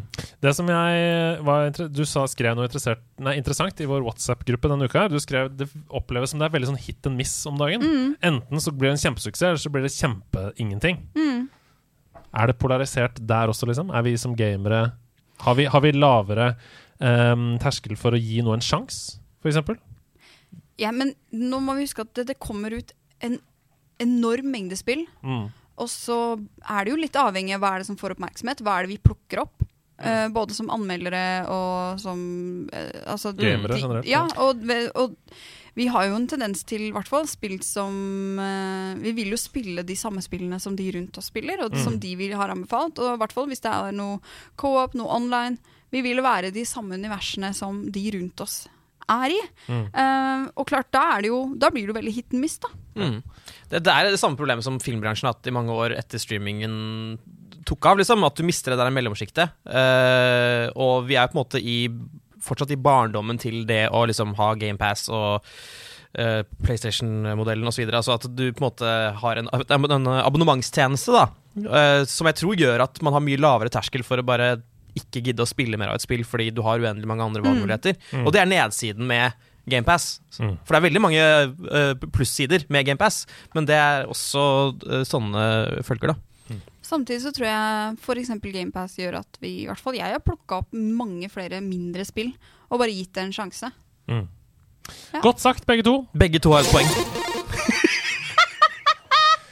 Forspoken, som er det store actioneventyrspillet til Square Enix, det kommer i dag til PS5. Uh, og Det er en tittel som det er knytta veldig store forventninger til, egentlig, men rapportene som kom tidligere denne uka, her var jo ikke spesielt tillitsvekkende. Uh, en rekke store spillmagasiner rundt omkring i verden har nemlig ikke fått anmeldekode til Forspoken på forhånd. Og det er på Twitter at store, kjente spilljournalister som Andy Robinson, Jess Corden, Skill Up, som er en YouTube-kanal med nesten 900 000 subscribers, forteller da at de ikke har fått anmeldekoder, eh, og de pleier å få koder til alle spill. Og det har heller ikke vi i nederlandslaget, selv om vi forespurte både produksjonsselskapet, utgiveren og pl selve plattformen som spillet kom på, om kode. Vi er møtt med stillhet. Altså Til vanlig så svarer man i hvert fall på mailene. Nei, vi har dessverre ikke koder til dette spillet. Vi har ikke fått svar engang på mailene. Og det er jo litt red flags all around i min bok. Hvor ofte skjer det? Du som sitter på den siden av bordet? At vi ikke får svar i det hele tatt? Ja, for eksempel. Nesten aldri. Ok. Kanskje det har vært mye sykdom inne på kommunikasjonsavdelingen. Kanskje de er rammet av Microsoft sine nedskjæringer. det kan hende. At Sony De bare Æsj, shit, vi sa den, ja! Det var ikke noe lurt. Vi sa, det var dumt. De, som, de i det andre selskapet som vi ikke har noe med å gjøre, de sa til noen Søren! Nei, men dette, dette er jo øh, Ja, dette er rart, for dette er et spill som har hatt store forventninger knytta til seg. Mm. Ja, jeg synes det var rart. Jeg, jeg satt inn på Metacritic der og refresha og så sånn Ni timer til release, null anmeldelser. Åtte timer til release. Det er helt utrolig rart. Men så kom jo eh, anmeldelsene, da, rett før eh, release. Og det er jo tydeligvis grunnen der, for spillet har nå 68 av 100. Ja, og gul farge. På Metacritic. Altså en helt sånn eh, Det den generelle konsensusen i spillbransjen er, er at det er en helt uh, terningkast fire-opplevelse, spillet. Som er jo litt det som du snakker om. Det kommer til å bare forsvinne. Kanskje, kanskje noen kjøper det når det kommer på tilbud, liksom. Men er det, er det da noen som tydeligvis har fått kode på forhånd? Ja, men ikke veldig mange. Eh, mange færre enn det pleier å være. En rapport sa at det var tolv koder i hele UK. Ja, Det er sjukt. Tål det. Er sjukt. Men uh, jeg har ikke lest noen av disse anmeldelsene, for jeg skal jo anmelde det Ja. for nederlandslaget. Og det er, jeg har sett at noen har gitt det 95 av 100, og noen har gitt det 2,5 av 10. ja. Så det spenner hele dritten. Det syns jeg er stort av deg, at du, du velger å gå inn i det og potensielt får en veldig midt på treet-opplevelse. Ja, men det er viktig det også. Dette er et spill som mange ser fram til. Og det kan godt hende at det er ting i dette spillet som mange setter pris på. Mm. Um, så vi får se. Jeg skal ta Jeg det virkelig på alvor. jeg håper du er en av de Ja, det håper som setter pris på ting i dette spillet. Skal ta det helt på alvor og være helt nøytralt innstilt. da Journalist. Vi skal over i været, eh, og det kommer masse spill denne uka her òg, selvfølgelig. Vi har valgt oss ut noen. Forspoken, som jeg snakka mye om, kommer i dag. Det har vel allerede kommet, eh, as we speak, til PlayStation 5 og PC. Dette action-eventyrspillet med liksom God of War-elementer, da. Eh, så kommer altså Dead Space-remaken til PlayStation 5, til Xbox X og S og til PC på fredag 27. januar. Og det ser helt forferdelig ut. Altså forferdelig bra, da. Ok, ja. Og, og helt forferdelig skummelt. Dritbra. Så jævlig skummelt! Er du ekte redd? Blir du Ja, lett redd? Om jeg er rekte redd! Blir du, blir du fort redd? Jeg, jeg, det er, jeg er kjempepyse Ja, okay. i Så horrorspill. terskelen er lav. Terskelen er veldig lav. Det er helt utrolig at jeg elsker The Last of Us, Ja. Mm. for eksempel. For det, det gikk bra på en eller annen måte, men kanskje fordi det var mer eventyr. Men jeg har sett på noen videoer. Jeg blir helt kvalm av å se på gameplay av det, for det ser så skummelt ut. Jeg må bare Du, kan, du må forklare hva Dead Space er, Hasse. Men, men jeg, jeg, skal bare si at når du går inn i en hangar der i gameplay, Mm. og så er det jo mørkt, ikke sant? Og du lyser med geværet ditt, med lyset på geværet, så du ser bare en sånn kjegle av lys der hvor du skal skyte Og dette er ikke for meg, altså. kommer det et eh, monster ned fra taket som du skyter på. Og så når du lader, da tar du jo våpenet vekk, så lyset forsvinner. Så det blir mørkt, så lader du, og så sikter du igjen. Ja! jeg orker ikke! Nei. Jeg klarer ikke det! Men Hasse, Det er helt forferdelig. fortell om Dead Space. Jeg har ikke spilt Dead Space. Jeg, jeg, jeg, jeg har aldri spilt det før. Nei. Jeg skal spille remaken når det kommer. Hvor, hvorfor orker du det? Fordi jeg syns sånt er gøy. Ja. Det er der vi er forskjellige. blir du lett redd av spill? Ja, men jeg, jeg kan nyte den reddheten. Mm. Ja. Ja, fordi det er noe jeg har lært meg Jeg har snakket litt om det før, jeg har lært meg i voksen alder at um, det å føle sånn Det kan ikke være sånn her for alltid. Det kommer til å bli en pustepause på et tidspunkt her. Det gjør at det blir lettere for meg. da Ja. Det er jo Men- bare å trykke på pause Mm. også. Og det, Ja. det, det er ikke virkelig. Ja, det er sant. Ja. Du spiller altså som en astronaut som er i verdensrommet. Og det er, og det er litt eh, skummelt. Jeg synes, sånn, sånn som den der filmen Gravity, for ja, eksempel. og det er helt sånn. Det, er, det er 100% sånn. Kommer inn i en romstasjon hvor det ikke er noe liv. Alt lyset har gått, og du må skje. Hva er det som har skjedd her, da? Det, jeg blir redd. Jeg unngår de der, jeg. Ja. Jeg fylle livet med positivitet og eventyr og blomster. Men de har gjort en kjempejobb med den remaken, så så vidt jeg kan forstå. Det ligger masse sånne dokumentarer ute på YouTube og sånn av eh, offisielle kilder. Sånn Uh, here, are choice uh, design philosophy was over there. Og det lover godt. At Mm. de viser fram istedenfor å være sånn Nei da, dere får ikke se noe før release. Sånn som For Forspoken. eksempel Forspoken. Så jeg gleder meg til å høre, for du skal anmelde det. Jeg skal det. Tenk på det. Mm. Hass, Horror-Hasse. Horrorrasse. Jeg er, jeg er kul og uh, uredd. Har du lyst til å streame det, eller? Ja, jeg skal, kan streame det litt for dere. Folk elsker å se på streaming av horror. Så kul ting å si om seg sjøl. Jeg er kul og uredd. Mm. Det er som tatt fra Terkelig knipe, på en måte. Ja. Ja. Jeg syns alle skal si det til seg selv. Jeg. Ja. Når de står opp om morgenen, ser seg i speilet og sier 'jeg er kul og uredd'. ja. Start dagen.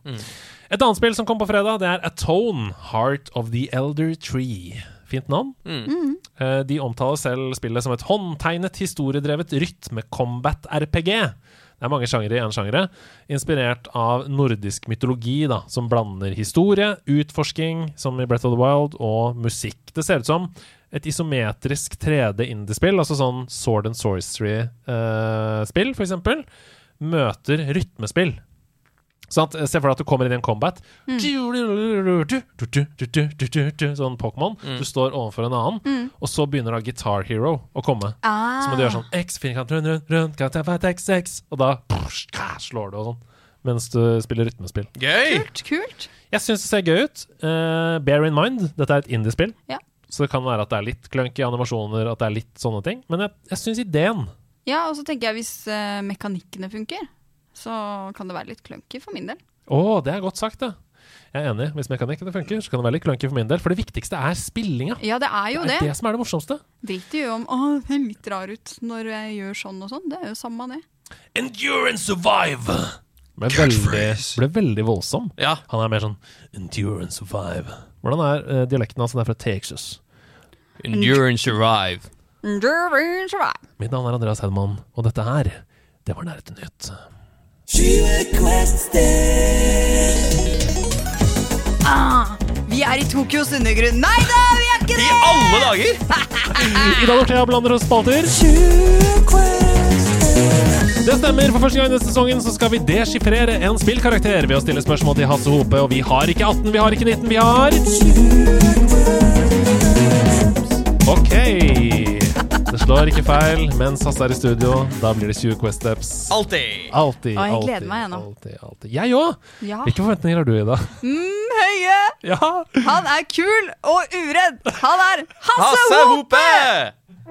Well, I'm impressed. Oh, thank you very much. Det gjenstår å se, da. Um, er, er, det noe du vil si først? Uh, det, ja, jeg vil at sånn som sist uh, jeg gjorde dette, så må de fem første spørsmålene handle om karakteren. yeah. Og okay. så kan det handle om spillet. Mm. Ok, da får vi se, da. Jeg kommer til å stille spørsmål på norsk, fordi jeg tenker bedre på norsk. Ja, ok. Um, Tenk om vi klarer det på ett spørsmål. Det blir veldig spennende. Ja, Hvis dere bare gjetter med en Er gang. det Pokémon Scarlet? Jask. Jask. Ok, Ida, du kan få lov til å stille spørsmålet, uh, første spørsmålet. Husk at det må handle om karakteren Ja. til Hasse. Um, ja, jeg får ikke noe intro... Okay. Nei, nei, jeg ser at Hasse går inn i rollen Ja. her nå. Ja. Hello, what's your name? Nei, å oh, ja, men meg Hva er det, hva, hva, hva er det som skjer nå? på ett spørsmål! Hva er navnet ditt på karakteren? Eh, Det er lenge siden. Vent litt. brain freeze! Det er veldig gøy. Jeg må få en sjanse til. Ok, du får en sjanse til. Ok. Ok Are, do you identify as a female? Uh, no, I don't. Oi, det er veldig lite her. Eh, enten så betyr det at vi har med en sjenert å gjøre, Mm. eller så er det bare for at han ikke vil lov til for mye, for ja. oss. Um, uh, ja, det må handle om karakteren, ja. Er du Er du kjent for å være morsom? Um, not really. Um, but uh, I think it's fun when we have fun. But it's not. I'm not funny. Oi. Jeg føler at jeg Veldig vanlig person, virker det som. Jeg føler, Um, jeg fø- Er du et barn? Yeah, I'm a child. Yeah, that's me. Oi. Ja, for det er det jeg fikk veldig følelsen av. Hasse er en utrolig god skuespiller. Vi må Ja. ikke glemme det. Nei da. Du ser hvordan han ser Ja. ned og Ja. sparker litt i Ja, asfalten han- og grusen. Og, Han er der. og vi vet at det er en gutt, og vi vet at det er et barn. Og han syns det er gøy med, med at de har det gøy, men han er ikke noe morsom selv. Nei. Så det, det er bra, for da utelukker vi en del spill. Um, er du hovedpersonen i din fortelling? No, no, no. I'm not the main character. No. Um, not really. Yeah. Så da kan det fortsatt være et morsomt spill. Fordi det er ikke den karakteren som skal bære spillet, uansett. Um, hva skal man spørre om da? Um, Det må fortsatt handle om karakteren. Ja. Uh, har du foreldre? Yeah. Um, but it's kind of difficult to talk about. Yeah. Oi! De kan være skilt. Det var et bra spørsmål. De kan være skilt, de kan være døde. De kan være um, Eller at de har noe rusproblematikk? mm. Jeg begynte å tenke på Edith Finch, men dette er en gutt. Mm. Så Jeg begynte å tenke på at det er My Child Lebensborn, ja. Ja Men eh, det, det er kanskje ikke jo da, han er en gutt. Han Hans. Mm, Hans. er det ikke det han heter? Ja. Lille Hans. Jeg husker ikke. OK. uh, nå kan vi begynne å snakke om spillet. Mhm. Er spillet ditt fra Åh, vi må få tidsperiode. Før eller etter 2000? Hva Skal vi si Nei, det er for stort. Før eller etter 2010. ja, ja, men da må vi si før, da. Skal vi si, er, det, er det eldre enn 2010? Skal vi si det? Er spillet ditt eldre enn fra 2010? Uh, no, no. It's it's it's nearer than that. Um, yeah, it is. It is. Yeah. Ok, så det er et spill fra det siste Ja. tiåret. Mm. uh, hvis vi tenker fra Ja, tiåret 2010 pluss, til da. ja, tiåret- tiåret Um, pluss. Hmm. Og det er en gutt som ikke er morsom, bikarakter, som har problemer med sine foreldre. Ja. Um, uh, skal vi prøve å spørre om dette er et spill på uh, Jeg har en følelse av at det ikke er Nintendo, Mm. men at det er uh, et uh, PlayStation Ja, eller eksklusiv, eller? Ja, enten det eller PC. Det er kanskje, kanskje både Kanskje vi skal spørre om det, da. Er det konsolleksklusivt? Mm -hmm. Er det konsolleksklusivt? Uh, yeah, it is. Um, but that could change pretty soon, I guess. Yeah. Ah, så det er et spill som har vært konsolleksklusivt, men det er kanskje planlagt at det skal komme på flere konsoller ganske snart. Mm, En gutt som sliter med foreldre. Det er et spill fra 2010. Ikke uh, liker å ha det gøy. Er det Er dette et spill Ok, vi har hengt oss opp i feil ting, Ja, vi har kanskje. garantert det. Um, eh, kan man styre denne karakteren i spillet? Um, no, no, you can't. No, yeah, you you, you can't. You should, you should try something else. Ok, Så man spiller ikke med denne karakteren? You should try something else. Hmm. Eh, OK. Hinter eh, veldig. You should try something else, sier han to ganger. ja, for dette er sikkert en MPC. Er dette spillet på PlayStation Er det eksklusivt på PlayStation? Yeah, yeah. Oi. It's it's it's it's it's, uh, exclusive, and uh, but you should ask something else.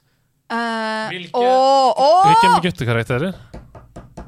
Er det Det er ikke, det er ikke noe Horizon eller, eh, eller Ja, for nå må vi gå God gjennom. of War? Ka- God of War. Ja. Atreus. Mhm. Gutten. Sønnen Er- er til Kratos. Sånn? Moren er død. Mhm. Han sliter med problemet til faren Men sin. minner det om karakteren som Hasse spiller nå? Det kan det gjøre. Ja. Uh, I nå, OK. Spoiler alert! De som ikke har spilt God of War Ragnarok og har lyst til å spille det, hopp 15 sekunder fram i tid nå! I God of War Ragnarok så spiller du også som Atreus. Mhm. Men du gjør ikke det i God of War 2018. Nei. Hmm. Og Hasse har jo nettopp spilt God of War 2018. Skal vi spørre om han har en sterk farfigur? Ja, la oss gjøre det. Har du en veldig sterk farsfigur? You should try uh, maybe going to the left. Nei, selvfølgelig Eh, eh, er, du veldig, er du veldig glad i å si at eh, pilen din passer der oppe? I think there's a chain over there. You can try that. Uh, har du, har du, er moren din død? Yeah. Er du Atreus? Ja! Ida Dorthea Orpestad! Andreas Hedemann! Vi greide det sammen! Oh, damn you! Og vi klarte det på bare tolv, så det betyr at vi klarte det innenfor. Og det har vært astronomiske gode skuespillerprestasjoner levert fra vår egen brune Hasse Håpe. Hasse HP. Han har Ja. høy eh, health, uh, Yes, health han er, eh, han er lada opp, han nå. Ja, Men, men dere, det var du som åpna døra i hjernen. For du sa er det noe Horizon, God of War Og der skjedde det, vet du. Vi måtte begynne å tenke hvor er det gutter i PlayStation-eksklusive spill? Hvor er det gutter ennå? Jeg bare titter etter gutta ned, vet du. Ja, jeg har lyst til å spille, men det er noen gutter der, da. Er de pene? Der er pene gutter, vet du. Ja. Det er noe pent å se på. Men du, hva var det du tenkte i researchprosessen? Altså, Hvorfor endte du på Atreus? Og hva, hva var det du måtte gjøre for å lære deg den karakteren? liksom? Nei, jeg, hø jeg hørte på voice lines Ja. fra, uh, fra spillene. Mm. Uh, uh, og han ble mer beskjeden enn han nok er i spillene, men jeg måtte bare holde meg til det når jeg først hadde gått for det. Ja. Og det funka jo. så beklager jeg. Did its jab. Ja, did its jab. Så det var veldig bra. Det var også veldig, Da du skjønte at vi var nære, det var så gøy at du bare begynte å hinte veldig. For det er jo det som skjer også i spillene. Tusen takk, dere. Dette var en fin 20 Quest Steps. Bra start på sesongen for denne spalten. Oh yeah.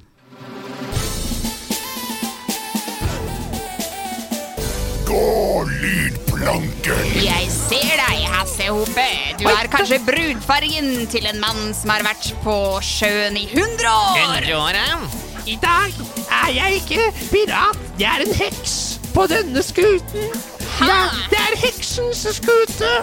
Å nei, jeg vil ikke være om bord her. Dere må gå ut på lydplanken. Nei! Ok, I Går lydplanke denne uka så er det, er det en annen eh, som er på skuta enn en pirat, og det er en heks. Og det er fordi eh, vår kjære venn Septastic har selvfølgelig tatt grep med denne konkurransen. Ok, heksa det til. Ja, det er, han heksa det til. Det er veldig spennende, for akkurat sånn som at vi hele tiden, det er Ja. du som inspirerer oss, leker med formatene, Utvider spaltene, utfordrer ting som fins, Ja. så har også Septastic forsøkt å utvide da selve nerdehorisonten. Uh. Det er filmmusikk. Oi! Åh, ja. ja. Hasse vant, den er grei. Takk for meg, jeg kan gå hjem med den. Altså, altså lener seg tilbake og blir rørt. Han blir så rørt, han tar seg til fjeset og smiler og er glad. Jeg er kjempeglad. Jeg er kjempeglad Septastic! Jeg skal sende dem masse penger. Men eh, Ida, Ja. Husk at det er oppfølgingsspørsmål. Jeg har også sjans. Jeg er redd og ku... Nei, vent. Og. Uredd og kul. Ja, sånn Du er det. kul og uredd. Og så er du en fellesnevner her, ikke sant? Så Ja. det går jo også an å svare riktig på det. Vi skal til den første oppgaven. Rop navnet når dere vet hvilken film Vi skal til! Er det ikke gøy Ah! å drive med noe annet? Ok, Her kommer den første oppgaven. Rop navnet.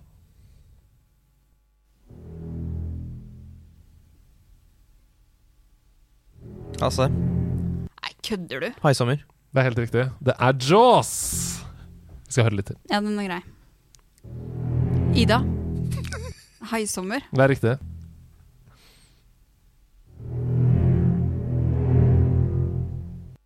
Er fint. Det er veldig flott. Det er veldig vakkert. To toner. To toner, og Jack Black snakker om det i sin karakter i The Holiday, hvor han sier It's amazing, two, to- two notes. Og så holder han opp uh... Fantastisk film, det òg. Ja, det er fint. Mm, 1975. Uh, Takk! hei! Her kommer oppfølgingsspørsmålet. The. Holiday fra 1975. Jack Black var to er år. en liten baby. Ok, uh, her kommer oppfølgingsspørsmålet. eh, og dere skal bli enige i hodet deres. Dere skal ikke rope ut svaret. Mm. Dere skal komme med et svar. Hvilken type hai jaktes det på i Jaws, eller da haisommer, som eh, Hasse sa? Hvilken type hai jaktes det på? Og jeg tror vi skal få lov til å begynne med Ida uh, denne gangen her. Så da må du notere ned det du har tenkt å svare, sånn at jeg kan kontrollsjekke det etterpå. Så. At det ikke jukser. Ja. Uh, jeg Du har svart. Mm. Uh, jeg tror, uh, Først tenkte jeg hvithai, men jeg tror ikke det er hvithai. For det er en mye større hai. En megalodon. Ok. Du svarer megalodon Mm. i haisommer. Ja. Du kan svare det, hvis det er det du vil. Oh, du, Nei, ser ikke- meg, ikke- du ser på meg med blikk jeg. Ja, som du, altså, svaret er avgitt. Svar er Ja, avgitt. svar er Hva er det svaret? Det er en hvithai som heter Bruce. Jeg har ikke noe sjans! Jeg, Det er altså en Great White Shark, eller hvithai, som angivelig heter Bruce, sier, ja, jeg var inne innpå det, da. sier Joss her. Det er veldig, veldig bra. Uh, chatten sier laks, åpenbart. Ja. Uh, vi skal til neste oppgave. Uh, dette Nå tar jeg det. Nå tar du det. Mm. Her kommer eh, musikken. Rop navnet deres Mm. med en gang dere hører hvor vi skal. Hasse. Empire Strikes Back. Ida. Star Wars. Det er helt riktig. Det er Star Wars The Empire Strikes Back her. Og her kommer litt mer.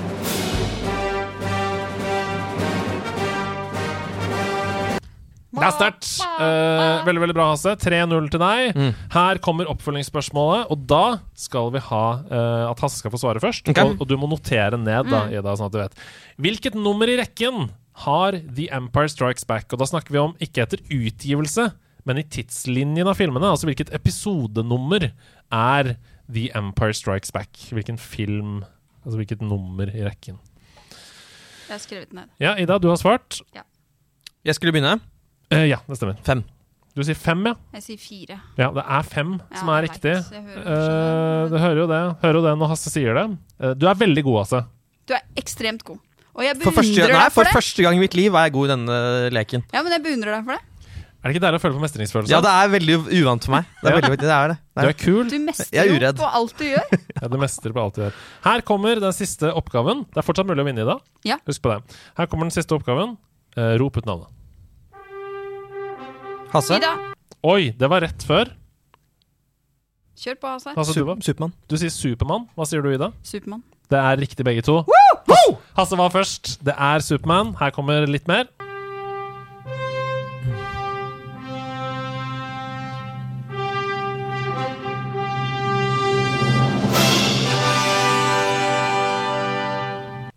Er magisk. magisk. Det er Eh, storslått. Det er det. Må ikke bli copyright strika, så vi gir oss der, selvfølgelig. Eh, her kommer oppfølgingsspørsmålet.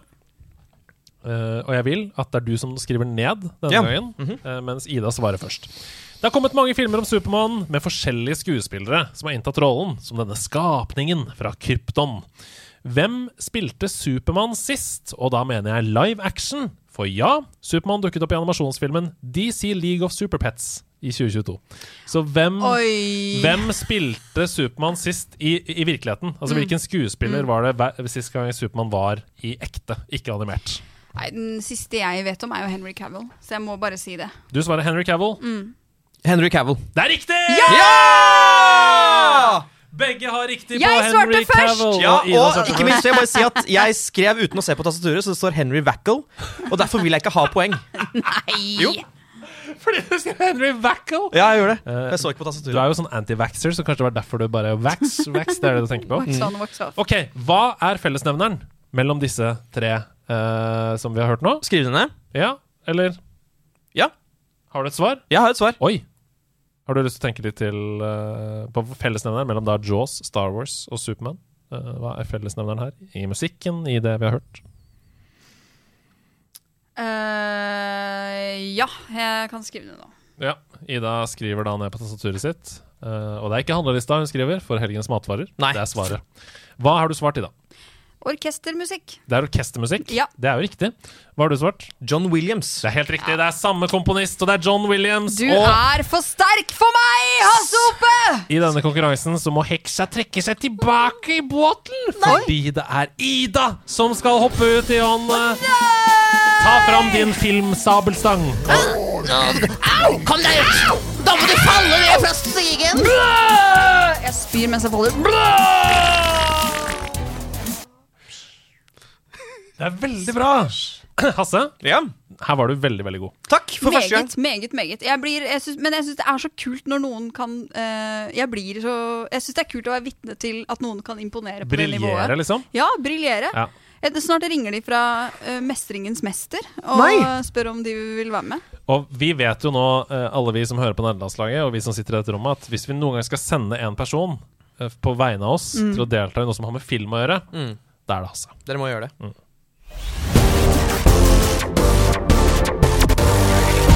De fire store. Vi skal fra film til en annen spalte som også denne gangen skal handle om film. For det er Hasse Pastorius Hope som ikke bare har tatt livet av sin egen kone, han har også forberedt fire store på en liste! Og i denne spalten så er det jo sånn at det kan være fire store oregano-blandinger, det kan være fire store TV-serier som handler om hunder. Men hva har du forberedt denne uka, Hasse? Du, jeg har eh, rett og slett eh, forberedt, og det er jo nesten litt sånn tilfeldig, da virker det som, at det igjen skal handle om, om, om film, hey. som er min store, store kjærlighet. Oh. og det skal handle om en veldig spesifikk film og for så vidt litteratursjanger. litteratursjanger. Som er da Det kommer litt av da at uh, rett før jul så så Andreas Hedemann og jeg uh, filmen Glass Onion. Mm, en fantastisk film. Som er, jeg syns den er helt fantastisk. Ja, uh, min toppfilm fra, fra 2022. Og jeg kan Hei! røpe at den i dag ble Oscar-nominert for beste manus. Gratulerer til Ryan Johnson. He's impressed, that's right. Um, og uh, min favorittfilm gjennom alle tider er Knives Out, som da er eh, den, all, den første filmen uh, i den serien, om man kan si det. Og det er jo da Disse filmene er veldig sånn klassiske who done it-filmer. Elsker sånne type filmer. Ja, det er helt, helt fantastisk. Og uh, altså, fordi på, på engelsk så har du uh, Når man skal snakke om uh, Altså, på norsk så har vi liksom krimbøker, men på engelsk så har du flere Altså, du har mere, flere inndelinger der. Der Who Done It er på en måte en egen spesifikk sjanger. Er det noe annet enn type murder mystery? Eller er det Nei det, er, nei, det er stort sett det samme, men for å le jeg kan lese det som er liksom definisjonen. Eh, og det er at det er en kompleks, uh, plottdrevet detektivfiksjon der puslespillet om hvem som begikk forbrytelsen, er hovedfokuset. Ja, Poirot. Ja. Ja, og Leseren eller betrakteren uh, får da ledetråden til saken, hvorfra identiteten til gjerningsmannen kan utledes før historien gir uh, selve avsløringen i klimakset. Ah, ja. Og ikke minst er det sånn at etterforskningen utføres vanligvis av en eksentrisk eh, amatør eller semiprofesjonell detektiv. Ah, gøy! Og, Det kan vi like. ja, og det, så etter jeg så Glass Onion og så masse dokumentarer om da regissøren Ryan Johnson, eh, så har jeg skjønt at altså, han er veldig veldig opptatt av denne sjangeren og lest veldig mye Agatha Christie og sånn, som jo er eh, dronningen av Who Done It-sjangeren, og tidenes mest solgte eh, forfatter. For den saks skyld. Fantastisk. Um, så jeg har dykket ned i, uh, i Mens jeg var i Thailand, så så jeg ti Who Done It-filmer. For en deilig ferie! Det var veldig veldig deilig. Ja, Først på stranda på dagen, og så inn i kulden og være uh, litt redd. Jeg blir så glad. Så jeg har rett og slett da laget en liste med de, ti, eh, nei, med de fire store uh, Who Done It-filmene i, min, eh, i min bok. Der Glass Onion og Knives Out er ikke med på den. For det Har du en drøm om å på, på et tidspunkt i livet reise på en sånn eksotisk ferie? Du går der rundt i eh, linshorts og en litt sånn linskjorte, og så er det Nei. Ja. Ikke nei. say, uh, I say, I say, there's been a murder over here. There's been a murder, I must say. My name is Benoit Blanc. My name is Hazy Hobie. Yes, right. Ja, det er jo en drøm, da. Jeg vil jo ikke at folk skal dø. Men hvis det først er noen som må dø, så håper jeg at jeg er der, sånn at jeg kan løse Ja! Ja. Det vil jeg jo egentlig. Ja. Ja, Så plutselig så innser du at livet ditt er selvfølgelig i fare. Det er masse blod overalt. Du kaster opp for det lukter lik. Og Ja. så skjønner du at 'jeg skal ikke være her likevel', eller? Absolutt. Det er akkurat det som kommer til å skje, for det er jo ikke noe hyggelig. Nei. Det er hyggelig når det er fiksjon. Ja. Jeg begynner. Og uh, den første filmen på listen, det er rett og slett en film som heter uh, Death Trap. Fra 1982. Oh. Eh, det er, regissøren er en mesterregissør ved navn Sidney Lumet, som eh, lagde bl.a. 12 Angry Men, Dog Day Afternoon og Network. Og det er et veldig kult plott. Eh, hovedpersonen er spilt av Michael Kane, alles favoritt-britiske skuespiller. Han spiller en slags sånn Andrew Lloyd Webber-aktig eh, eh, teaterregissør. Som, har liksom, eh, som er ekstra god på det å lage sånne whodunit-teaterstykker. Og har liksom hatt masse suksess før, men nå har han begynt å bli liksom washed out. Han klarer ikke å oppnå suksess lenger. Han klarer ikke å finne på gode ideer. Og så en dag så får han i posten et manus fra en tidligere elev som har skrevet et helt fantastisk whodunit-mysterium. Og dette er helt i starten av filmen, så jeg kan på en måte spoile det her. Da, men det som er liksom utgangspunktet for filmen, er at uh, Michael Kane er så desperat at han vil invitere denne unge mannen hjem til seg. Spilt av Christopher Reeve, han som spilte Supermann. Um, for å rett og slett et, drepe han og ta stykket og late som at det er hans. Og det er utgangspunktet for filmen. Wow, det er gøy! Dette er veldig, veldig gøy. Oh, det gøy. Og det er altså så mange twister. Altså jeg, jeg, Det er sjelden jeg har sett så mange twister du ikke ser komme. Det er bare helt fantastisk. Og han spiller dritbra, og ikke minst er det veldig gøy å se eh, Christopher Reeve, som man stort sett bare har sett i Supermann-filmene, eh, eh, spille en, en sånn karakter. Så den er dritkul. Wow. Og alt- Skriv det ned, folkens. Skriv det ned. Death Trap. Death Trap. Eh, den neste filmen jeg vil anbefale, er rett og slett The Last of Sheila. The Fra, Last of The Sheila. Last of Sheila fra 1973. Dette er nok den rareste filmen på listen min, men jeg, jeg eh, så den fordi man ser veldig fort at Glass Onion har tatt ekstremt mye inspirasjon fra dette her. For dette er rett og slett da Det handler om en veldig rik person som inviterer eh, sine venner på en ferie på et cruise, eh, lite cruiseskip, og organiserer da en sånn eh, mystery game for sine venner. Ja. Der de skal liksom komme seg til bunns i noe greier. eh, og så snur alt på hodet, da, når det viser seg at det er et faktisk mordmysterium de ender uh, opp i. Wah, wah, wah. Det baller på seg. Det baller på seg. Veldig. Uh, og det er veldig sånn kul 70-tallsestetikk, selvfølgelig, siden den er spilt inn på 70-tallet. Uh, og jeg vil bare si at altså, dette, dette er ikke en film for alle. Noen vil synes at den er veldig treig, og noen vil synes at klærne de har på seg er rare, og måten de spiller på er jo helt annerledes enn hvordan man spiller nå. Men hvis man først liksom kan kjøpe den, den vibben der Utrolig kul historie, veldig kule karakterer. Eh, kan, hvis man, kan du si, hvis du liker James Bond-filmer fra 70-tallet, som Ja. også er veldig sånn estetisk tidsperiode, er det noe å hente her da? Absolutt, absolutt. absolutt Ja, det er det. Eh, og jeg, og jeg syns også det er liksom gøy hvordan man spilte før i tiden. Det er liksom litt mindre naturalistisk, litt mer sånn teatralsk. eh, og eh, ja, det er bare veldig gøy visuelt, da. Så den eh, anbefaler jeg. Men som sagt, The Last of Sheila. Last of Sheila. Så kommer vi til nummer tre på lista. De er ikke rangert. Nei, bare si. Nei, det er bra. Men uh, forresten, eh, relatert til den forrige filmen. Ja. Det er jo gøy, for da kan man si Have you seen The Last of Sheila? No, I haven't seen The Last of Sheila, actually. She's coming back. Oi! I'm impressed. I'm impressed, Ada. I must say. Oh, happy to oblige. Don't worry about it. Så har vi den tredje på lista. Det er ikke rangert. Um, og det, det er filmen Gosford Park fra Oi. 2001. Ja, for den har jeg hørt om. Ja, Ikke sett. Ikke sett. Den er regissert av eh, en annen mesterregissør ved navn Robert Altman. Og man, dette er en film uh, som Altså, se for dere Downton Abbey, men som et mordmysterium. Ok! Ja.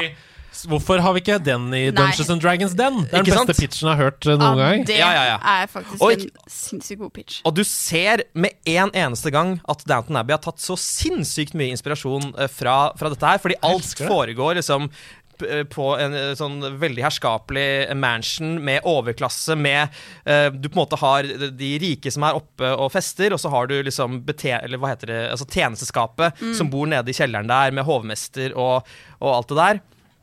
Eh, ikke minst Maggie Smith, som er hun sure gamle damen i Downton Abbey spiller også mer eller mindre samme karakter i denne filmen. Nydelig. Uh, og det er da rett og slett et, et, et, et mordmysterium der du uh, Alle er mistenkt, både tjenesteskapet og, eh, og de rike. Og så handler det samtidig veldig mye om eh, klasseskillet. da. Eh, litt sånn på samme måte som Parasite eh, også handler Ja. i bunn og grunn om klasseskillet og hvordan, hvorfor vi egentlig er plassert hvor vi er i samfunnet. da. Så den er, den er veldig, veldig, veldig kul. Wow. Og, er, eh, ja. Nei, det blir spoilete å si, selvfølgelig, men det beste med sånne filmer er jo, um, syns jeg, da, når man hele tiden tror man har skjønt noe, og så har man ikke det Mm. likevel. Ja. Er det sånn? Det er absolutt, eh, absolutt sånn. Og eh, ja, Jeg kan ikke si noe mer. Nei, bra. uh, og så til slutt så har jeg den utvilsomt mest kjente på lista, som jeg, jeg tipper veldig mange har sett allerede. Men jeg vil bare minne folk på det. Og det er Who Framed Roger Rabbit. Who Framed Roger Rabbit? Fra Vet Den tror jeg 1988. faktisk ikke jeg har sett. Den er Veldig, veldig fantastisk. Veldig, eh, veldig av Robert Zemeckis, eh, mannen som annet lagde Forest Gump og Back to the Future. Eh, som da er rett og slett en eh, blanding av eh, live action og animasjon. Og det er liksom første gangen det virkelig funka bra. da Altså Det er skikkelig skikkelig bra eh, animasjon. Og du rett og slett da har en eh, I dette universet så har du den ekte verden som vi lever i. Og så har du The Toon, uh, The Tune Universe. da Altså et tegneserieunivers. Litt sånn som. Space Jam. Ja, egentlig litt sånn. Og, og alle er klar over at disse to universene finnes, og de eksisterer side om side. Og uh, tegneseriefigurene kan komme inn i vår verden, og vi kan gå inn i tegneserieverden. Og du har da uendelig mange kjente karakterer fra både Disney og uh, Warner Brothers, Looney Tunes osv. Og det som, eh, det som også er veldig gøy, er at dette er den eneste Eller det har vært sånn den første gangen at Mikke Mus og Snurre Sprett Ja, Er i samme scene. samme univers. ja, du har en, eh, en scene som varer i et halvt minutt, der de to uh, interagerer.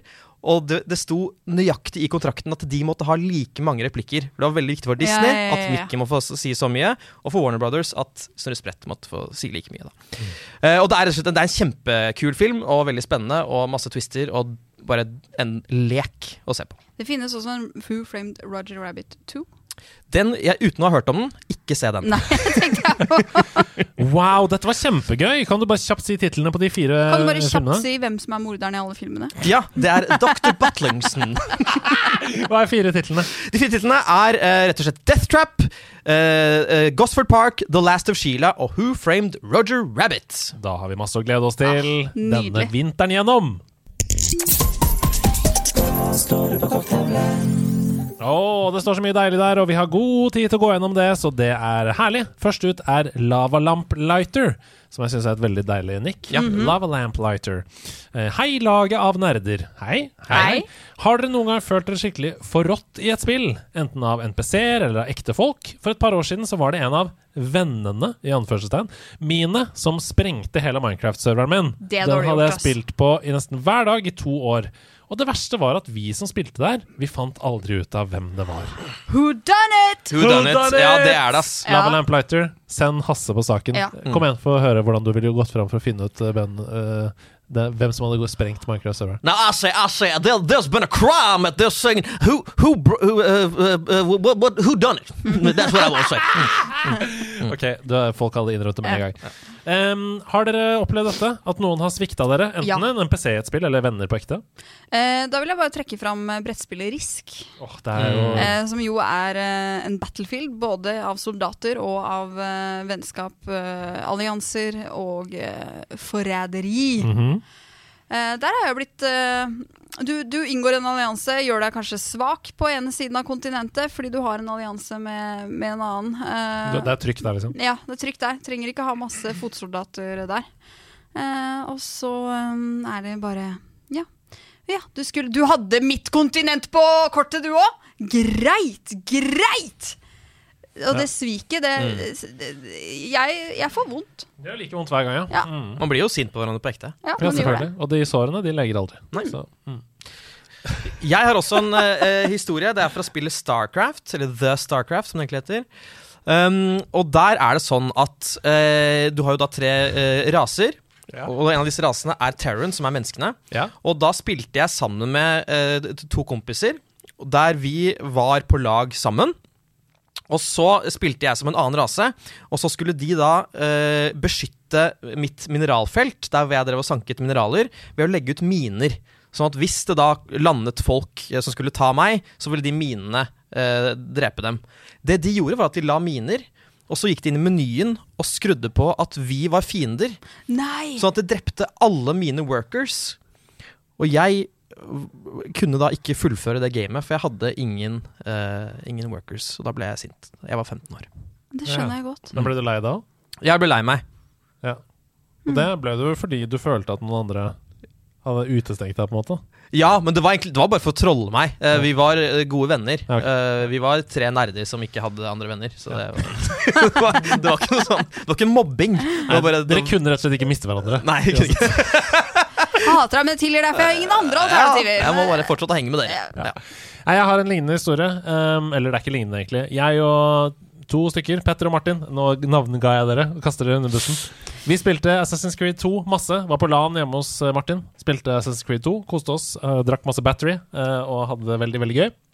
Kom kjempelangt og, og sånne ting. Og kom såpass Vi måtte på en måte gi oss på et tidspunkt. Vi på hele natta og sånn. Men kom sånn at det var bare på en måte siste 20 igjen av spillet. Gleda oss skikkelig til den innspurten. Og jeg føler hvor dette her Ja går igjen, og det er eh, vondt. vi skulle møtes igjen og kose oss. Da hadde Martin Han hadde runda det allerede. Åh! Sviker! Det er så vondt, altså. Sviker? Så jeg fikk ikke Jeg måtte spille det igjen, da. I Ja. mye seinere, voksen alder. eh, for å skjønne hvordan det Slutt, da. Så det var vondt. Petter og Martin. Hei, hei. Hvem hadde vunnet en Tolkien-off av Hedo og Stephen Colbert? Jeg hadde hørt nettopp Tolkien-sidequestene. Det var utrolig gøy. Mer av sånne type sidequests, sier King Johnslow. Eh, For det første, tusen takk for eh, veldig gøy skryt. Det er veldig hyggelig å lage sidequest om Silmarillion og Rings of Power. Kjempegøy. Jeg hadde tapt. Det kan jeg si med en gang. Hvorfor det? Jeg er veldig glad i Tolkien-universet, men Stephen Colbert har på en måte dedikert livet sitt til Tolkien-universet. Uh, jeg måtte nok ha lest meg litt mer opp på Fingolfin sin uh, stamtavle hvis jeg skulle gått i en uh, Tolkien off, off med, med Stephen Colbert. Sett bort fra misnøyen rundt Chris Pratt. Ser ikke det vi har sett av den nye Mario-filmen ut som en fest av en film? Nei. Hilsen på Yoshi, og jeg kaster over til deg, Hasse. Nei, sorry, ass. Jeg, jeg hater å pisse on your parade, uh, men jeg, jeg, jeg syns uh, Jeg syns ikke det i det hele tatt. Uh, og det, er, det handler også om det selskapet som lager Mario-filmen, som er da Illumination, som står bak eh, eh, hva heter de små gule? Eh, Ja, Minions. Minions, Minions-filmene. Eh, altså, dette er et selskap som har slått seg opp på å lage filmer veldig mye billigere enn alle de andre store selskapene. eh, som kutter hjørner, og som gjør alt eh, så eh, Altså minste felles multiplum som overhodet mulig. Det er det lengste fra Pixar du kan komme. Jeg Sorry! Jeg må være den i redaksjonen som sier nei, dette tror jeg ikke blir noe fett. Så kan dere stå for entusiasmen. Vær så god. Eh, jeg syns det er veldig gøy uh, f.eks. at Kristoffer Robin og Victor, Ja, eh, er tidligere kjent stemmer. fra FlippKlipp, er eh, Mario-brødrene. Mm. Eh, så jeg, for min del så kommer jeg nok til å hvert fall prøve å se den på norsk, for å, Ja. eh, fordi jeg har lyst til å høre de ja, gjøre stemmeskuespillet. Jeg har lyst til å se den på engelsk, men jeg, jeg rives og slites her med i to retninger. For jeg syns mm. det vi har sett av uh, trailere og sånn, eh, lover noe om en stemning og en entusiasme. Og så er jeg veldig klar over min Hasse som sitter på skulder til venstre, fordi Hasse er en av de som jeg respekterer mest når det kommer til filmuttalelser. Jeg snakker ofte med Hasse om film. Og når han sier det han sier, så blir jeg skeptisk. Ja. Åpenbart. Så jeg er litt i midten her. Eh, Jeg skal se det og gjøre meg opp min egen mening, men eh, jeg er var. Men er det ikke enkelt og greit? Man eh, ser den hvis man vil se den, og så er det jo først da vi vet. Og det som er litt fint med film kontra et spill, er jo at selv om dette er kanskje en, eh, på en måte en storfilm, eller en, det er ikke en indie-film, um, så tar den jo sikkert bare vet ikke, en og en halv time, to timer å komme seg gjennom. Ja da. Jeg skulle bare ønske at noen andre hadde Ja. laget den. Som Det jeg tror kunne med det laget med hvem, mer kjærlighet. hvem man ser forvalter en IP som man har en forkjærlighet til. Ja. Ingenting hadde vært bedre enn om den er dritbra. Jeg håper jo det. Det hadde vært kjempegøy. Uh, Hei sann, en venn av meg flere ganger pitcha ideen om å arrangere LAN der vi har tikamp. Altså at alle LAN-deltakerne konkurrerer i ti forskjellige spill, og så finner vi på en eller annen morsom premie til vinneren, eventuelt de tre beste. Spørsmålet er da som følger Hvilke spill kunne passe til tikamp? Uh, ting å tenke på er at man bør rekke å spille alle ti kampene på en kveld, så lista bør helst bestå av ikke altfor store spill. De ti spillene bør også være gratis eller ganske billig, siden det blir overkant dyrt om man skal betale 100 kroner pluss for ti spill. Jeg har lyst til å si fort der at hvis dere er flere som skal spleise på det, så blir det kanskje ikke så dyrt, eller? Jeg tenker det, jeg òg. Eh, For, for øvrig vil jeg si tusen takk for veldig morsomme podcast-episoder. Gleder meg til nye episoder hver uke. Hilsen Barkrakk Obama, som Og er det det er beste. et veldig bra nikk. Ja, det er veldig, veldig bra. Uh, vi trenger ikke å komme opp med ti spill her, men Nei. la oss kaste ut noen forslag. What Ja. remains of Edith Finch? Største tulleforslaget? Eh, det blir ironi. Jeg, jeg tenker overcooked. Overcooked, ja. Hvordan skal man konkurrere i det? da? Komme lengst? Nei, Eller da hva blir er det jo premisset? eh, å, å se hvor mange poeng du får. Ja. Om man klarer tre stjerner, klarer du det uten å miste noe, f.eks. Altså, hvis man velger seg én bane Ja. som man spiller Ja, begge som to alle må spille. Ja, som alle må spille, og så er det flest poeng. Ja, og så kan man kanskje være på lag, da. Ja. To og to. Bra tips. Eller- Jump King. Jump King, ja. Komme høyest på ti minutter. Mm, veldig mm. gøy, tror jeg, å spille sammen. stoppeklokke òg. Så er det ti, ni, og så du prøver å komme Skal du satse litt, eller? Ja. Ja, det er gøy. Og så tenker jeg, hva med Vampire Survivors? How many deaths in uh, ten minutes? På Åh, måte? ja, det liker jeg! Ja. Hvor, mange, har, hvor mange andre har du drept, liksom? Ja. Og alle begynner med clean slate, da. Ja alle, må, ja, alle må jo begynne med den samme karakteren, da. Og hvis man da har ti minutter, så kan man gjøre strats. Man kan hoppe ut av spillet, man kan dø med vilje, og så oppgradere karakteren for å bli bedre, og så kanskje det lønner seg. Jeg tror ikke det lønner seg. Nei. Jeg tror ikke jeg heller. Men du kan prøve det, Andreas. Men jeg tenker, dør du, så er du ferdig. Da må må ja. du bare se Hvis okay. du dør før det har gått ti minutter, Så så må du bare se minutter eller death. Ok. ja, hvor mange ganger. Og så tenker jeg, hvorfor ikke kaste inn uh, noe fysisk? For eksempel en uh, Kan man kalle en sudoku for et spill? Mm. Et mind puzzle? Eller hva med en liten, uh, liten turnering med Med eh, Kaste på stikka? Kaste på stikka? eh, Jeg har lyst til å slenge inn Nidhogg. Det, er Ja. veldig, det er jo et spill der hvor man begynner på hver sin side av banen med et sverd. Og så skal man fekte, og så er det om å gjøre å drepe den andre og komme seg videre til neste side. Sånn at hele spillskjermen bytter blurrup, når du dreper den og går videre. Og da begynner det på nytt, og så dreper den og så videre. Og så er det sånn hvis, hvis jeg klarer å drepe deg nok ganger, så kommer jeg på en måte til mål på din side. Litt som tautrekking. ja. Så det er jo versus, da. Så da må man, hvis man er fire stykker, så må man ha én ved én, og så må én vinne, og så må man gå videre til en siste kamp, f.eks. Ellers er jo Super Smash Ja, ett game, Et, uh, den eh, som overlever der, ja. Men ja. det er veldig dyrt, da. Skal, Ja, det, det er koster 600 spenn Mm. for, for ett spill, så uh, Men jeg tenker, hvis man har ti spillinteresserte mennesker, så har kanskje noen noen spill fra før av også. Ja, nå var det jo en venn av meg flere ganger pitchet ideen om arrangere der vi har tikamp. Ja. Er det da to stykker vi snakker om som skal gjøre dette? Um, Eller alle landet trenger konkurrere. Ja, så det kan være flere. Eventuelt Mm. de tre beste. Ikke sant, ja. Eh, Mario Kart. Mario Kart, Hvis noen har det fortsatt fra veldig før. dyrt, men eh, Hvis noen har det fra før. Ja, noen må ha det fra før. Mm. Eh, jeg tenker på Backgammon. Ja, backgammon.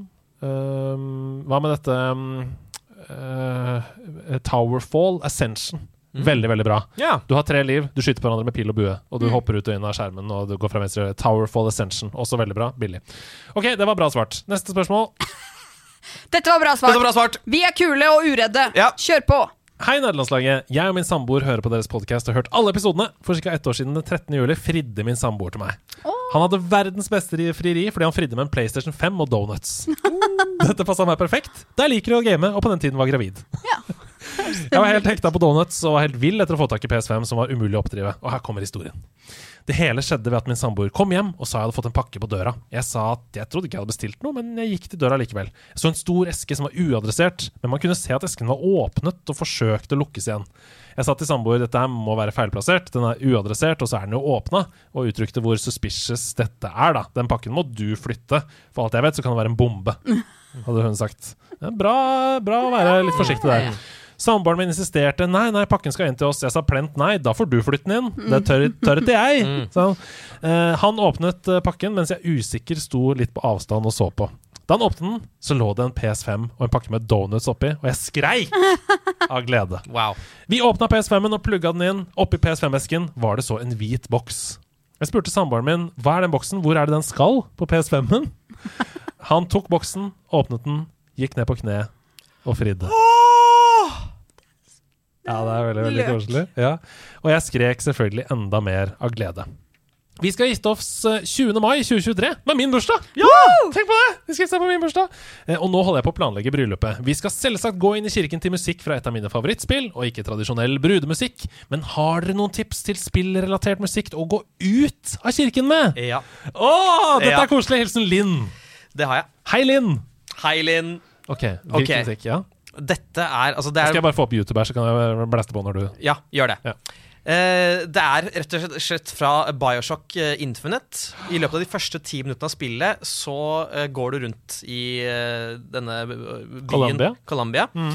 Og så ser du plutselig en sånn slags zeppeliner der det står fire menn og synger. Og da synger de God Only Knows i quartershop-kvartett. Oh. Det er helt fantastisk. fantastisk. her kommer, her kommer låta.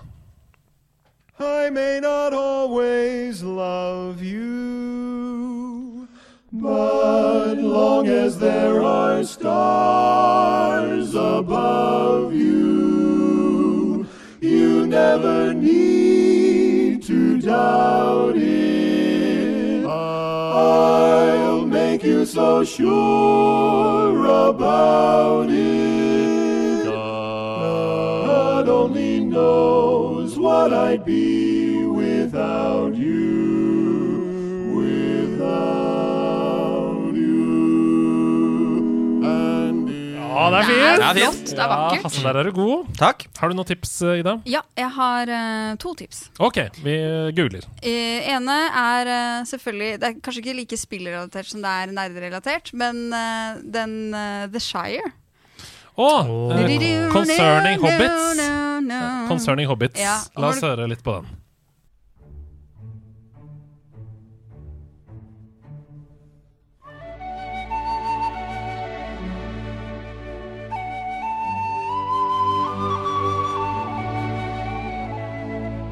Ja. Og så går vi etterpå så kommer den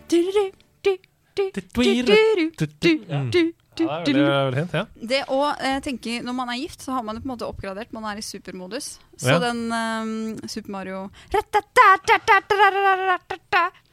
Tenker Ok, det. Super Mario Star Theme googler Ja. jeg her nå, så da hører vi på. Uh, og her er det selvfølgelig en eh, Hva heter det sånn uh, medley av alle gjennom tidene. Så vi hopper til en av de mest moderne, tenker jeg. fram hit.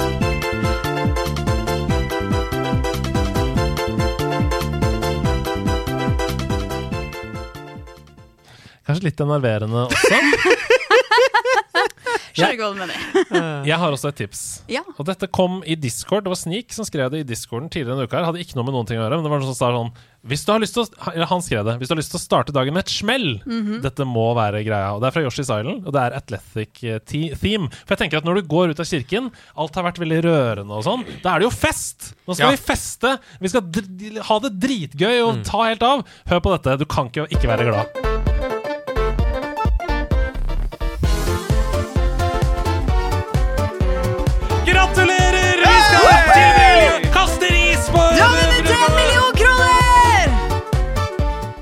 Er ikke Ah, det det gøy? svinger, mann.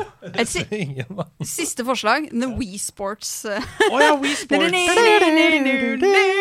Ok, eh, vi må bare smelle på den også, for den er jo helt eh, magisk gøy. Her kommer den. Ti timer er det en video her på YouTube med bare det inne. Gratulerer, dere er gift! Gå ut av kirken i takt! Oh, det svinger på svansen, bruden! Se på brudgommen nå! Hei, der er eh, bruden og brudgommen igjen. Er de gifta? Ja. Hæ? ja. Er de frøken og herremann? ja hvilken låt er det her, da? du hva rart. Hør at du satt og spilte litt piano mens du sa hvilken låt er det her. veldig, veldig bra. Ok, Da håper jeg du fikk masse tips, eh, Linn. Det kan bli et veldig gøy Herregud, vi er bryllup, det. ubruk. Nei, vi er nydelige folk, er vi. Vi er uredde og kule! Kule!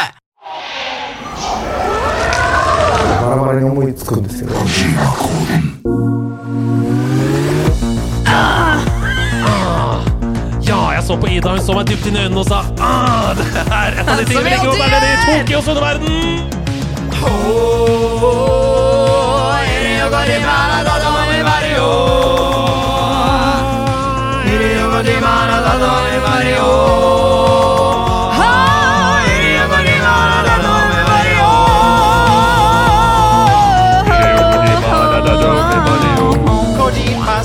Vi er nede i Tokyos underverden. Tokyos underverden, eh, men vi er ikke her alene. Nei, vi er ikke det. Det er nemlig sånn at denne gangen så har ikke Hidio Kojima tatt over noen av oss. Nei.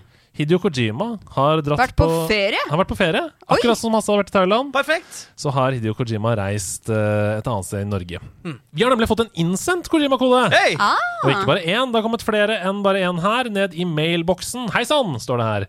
Ettersom jeg sakte, men sikkert kryper oppover 30-åra og har blitt småbarnspappa, så er det naturlig nok blitt litt begrenset med tid til gaming. En kveld med halvannen time Series S eller Switchen på senga, det er en god kveld. Jeg har vært opptatt av å holde gaminggnisten i live så godt som mulig. Det hadde gitt meg mye glede og mental velvære.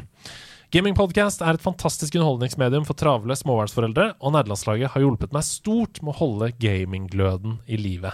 Takk for det. Takk skal du ha. Er ikke det koselig? Veldig. De siste månedene så har vi samlet vennegjengen for et månedlig spilltreff. Et treff som vi har døpt med det originale navnet Spillklubben. Hei! På nerdelandslaget Spillklubben. Klubben. For de som husker sesong to-jinglen oh, ja. av, Spillklubben. Um, kan jeg bare si først at dette er en utrolig god idé? Ja. Folk Veldig, burde veldig god gjøre idé. dette. En gang i måneden. Det er ikke så ofte, folkens. Det får dere til. Dette er en kveld med god middag og gaming, hvor vi rullerer på hvem som er verdt. Og sist helg kom vi oss gjennom The Quarry. Veldig bra jobba. Eh, skrekkspill. Skummelt. Mhm. Jeg har latt meg inspirere av dere fantastiske spalte, spalte Kojima-koden. En spalte som aldri kan dø. Og introdusert dette konseptet for gjengen. Og nå er det sånn at under middagen så forbereder vi alle hver vår egen Kojima-kode. Elsker det! Ah, Som setter stemninga for resten av kvelden. Ja, Og dersom dere ønsker å bruke mine koder, det gjør vi. så kommer de her. Hilsen André. Tusen dere takk, klare André. Ja, for å jeg er gjette spent. på- Jeg er veldig spent. Andrés Kojima-koder. Her kommer ledd nummer én. Og hør og hør hvordan skuddene hagler. Det smeller i kor til musikalske bragder. Skynd deg, løp ned. Fort deg, kom opp! Med livet på spill må vi holde full galopp. Og hør og hør hvordan skuddene hagler. Det smeller i kor til musikalske bragder. Skynd deg, løp ned! Nei, fort deg, kom opp! Med livet på spill må vi holde full galopp.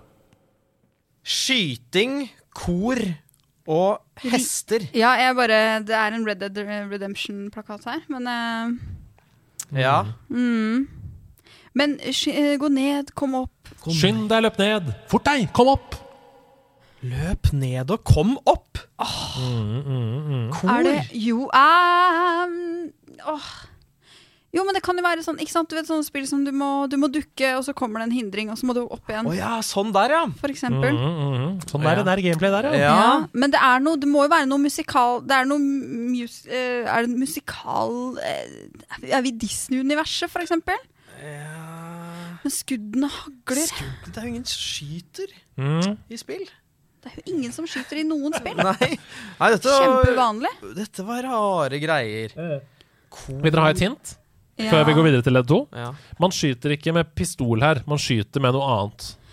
Ah, med tankene. ja, man skyter jo med noe annet, og det er Mm. kor og hester. Er det, Vil dere tippe før vi går videre til neste er det noe sprettert uh, Man kan Sprettert spill? Du kom på? Nei. Nei. Nei, jeg, jeg har ikke sjans ennå. Ikke noe tipp? Ikke noe tipp. Ok, her kommer ledd to. Og hør, og hør hvordan kruttet smeller! Det ringer i bjeller. Ding, ding, ding, ding! Det er nå det gjelder! Men misforstå meg rett, spillet er ikke bare full fart. Vi kan ta det med ro, nyte utsikten og lese litt kart. Um, Å, herligheten, da! Dette var vanskelig. Det jeg, jeg føler at det er en veldig god kode, men jeg, eh, jeg um... Lese kart. Jeg kan, okay. jeg kan si de hintene her som er tydeligst hint til hvilket spill vi skal til. Skynd deg, løp ned. Fort deg, kom opp. Kruttet smeller. Skuddene hagler. Spillet er ikke bare full fart. Vi kan ta det med ro, nyte utsikten og lese litt kart. Som jo var hele koden, da, nesten. Nei, det er ganske mye sånn Misforstå meg rett, Ja, og det, det ringer i bjeller og Lese kart, det gjør man jo i veldig mange spill. Ja. Um, eh, Dette er jo helt uh... Det er helt fe- jeg, jeg, jeg kan si at det er uh, Det virker også som at uh, chatten her på Twitch syns dette er vanskelig. Ja, det er bra. ja, Men det er én som har skrevet riktig. Ja. ja. Um, herlighet. Altså, man, man skyter ikke med med vanlig våpen. Man skyter med kanon. Man skyter med, med kanon. kanon. Er det Sea of Thieves? Ja! det er Sea of Thieves! Du må skynde deg å løpe ned under dekk, og så må du ta suvan, og så må du opp igjen fra under dekk. Dæven. Og du må skynde deg, for du blir jakta på. Ja, ja, ja, Men du kan også chille, lese kart og Men vet du hva, jeg syns dette var en veldig god kode. Eh, men det var vanskelig. Og det var, når det kom til meg, så kom det til meg. Ja, og dere var, det kom til slutt. Ja, Eh, takk for det. Takk for det. Med kanonene så kom det. Her er den andre koden som André har sendt inn. Den er verre. Oi sann. Ok. Ok. Jeg, jeg spiser hva jeg haver. Jeg bryr meg ikke om smaken. Når de ringer på min telefon, så sier de at jeg er naken. Hæ?! Hva er det som skjer? Dette er ikke familievennlig. Jeg spiser hva jeg haver, jeg bryr meg ikke om smaken. Når de ringer på min telefon, så sier de jeg er naken. De ringer deg og sier at du er naken. Men Ja, André, her er du Dette skjønte ikke jeg. Dette skjønte jeg ikke på første Nei. vers. Skal vi bare gå på vers Jeg, to? jeg tror vi må bare gjøre det. Ja. Eh, men for enhver anledning har jeg de rette klær. For jeg er tross alt en sjef, og den sjefen er svær. Big Boss. Big Boss. Metal Gear Solid. Fire To, tre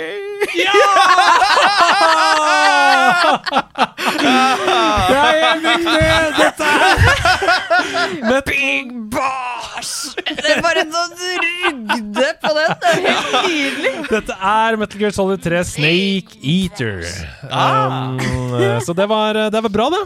Eh, André hadde koder, og dere knakk dem eh, med litt hint og litt hjelp Ja. og litt eh, greier. Med en knekker, så Um, koder vi løs. Tusen takk skal du ha, André. Eh, Hvis det er noen som greide Hvis det var noen som greide Metal Gear Solid 3 på det første hintet, send oss en melding. Ja.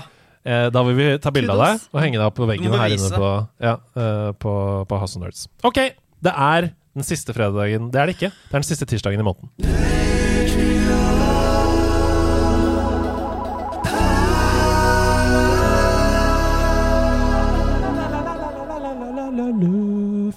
Skal til Patrion-perler. Patreon-perler. Ida, du Ja. har forberedt noe denne uka her, og du sa kan du få et sånt nyhetsunderlag mens jeg leser. Kan du bare høre om dette er riktig? Åh, det er bra. Dette er jo veldig bra. Funker det? Få meg inn i eh, stemninga. Ok, da er det noe vi skal gjøre. Uh, nei, vet du hva? Jeg har, dette er uh, Jeg har ikke tenkt på dere når jeg har skrevet dette, Nice. skal jeg være ærlig. Eh, for det var litt sånn uh, siste liten. Den er grei. Da trykker jeg på play, Den er god. og så er scenen din. Lykke til. Velkommen til oss. Det skal handle om spillåret 2023, og for et år det skal bli. Det er nemlig en release-radar som etter mange års forstoppelse skal få skylle over oss med glede. I dag tar vi for oss første kvartal, og her er det mye å glede seg til. Først ut er Olandus Adventure, Quest for the Last Crown, som kommer 2. januar på Nintendo Switch. Presseansvarlig Magnus Lagert Wilhelmsen skriver om spillet It's a game where you play as Olando, a brave owl, who goes on an adventure to find the last crown of kingdom, uh, the kingdom of birds. Dette er ambisiøst, må jeg bare si. Det er det. Men ventetiden skal ikke bli lang før det neste storspillet kommer, nemlig Bang for Buck, The Ultimate Shooter Experience. YouTube-kanalen eh, Dr. Emotional har allerede lagt sin elsk på spillet og skriver It's a first-person shooter game where players take the role of an elite commando named Bang for Buck on a mission to take down an enemy organization using a variety of weapons and tactics. Spillet kommer 10. januar på PlayStation 5. Oi! Bjørn Thorsson and The Quest for Bergskås er lenge venta til å bli eh, årets mobilspill etter at den kjente skuespilleren Frank Lindestad tok rollen som voice actor. De første anmeldelsene har kommet, og Kim Olsen Sveen fra Level Upwards gir det fem av sju og skriver om dette spillet. It's an action-adventure game where players take the role of Bjørn Thorsson, a brave explorer and adventurer who sets out on a journey to uncover the secrets of Bergskås, a mysterious mountain said to be home to an ancient treasures. Videre. Elsker du Overcooked? Da er det bare å glede seg til 3. februar, for da slippes Kennis's Cheese McDoodle Challenge på Nintendo Switch. It's a puzzle game where players take the role of Kenizo, a young chef who is on a mission to create the ultimate cheese McDoodle recipe. The game features a variety of challenging levels where the players must mix and match ingredients to create the perfect cheese McDoodle recipe. Dette spillet har høsta mye ros. eh, 90 hos Meta-Oddy og fem stjerner fra den danske Twitch-stjernen Martin Låne Nuland. Martin Låne Nuland. Martin Låne Nulid. Men de skal nok få hard konkurranse, for 5. februar kommer er, eh, Erlendias Filet Frenzy. Kvinnen bak spillet, Hege Naimi, omtaler det slik. It's a cooking game where players take on the role of Alendia, a young chef who is on a mission to become the ultimate filet master. The game features a variety of levels where the players must learn how to cook different types of filet, from beef to fish and more.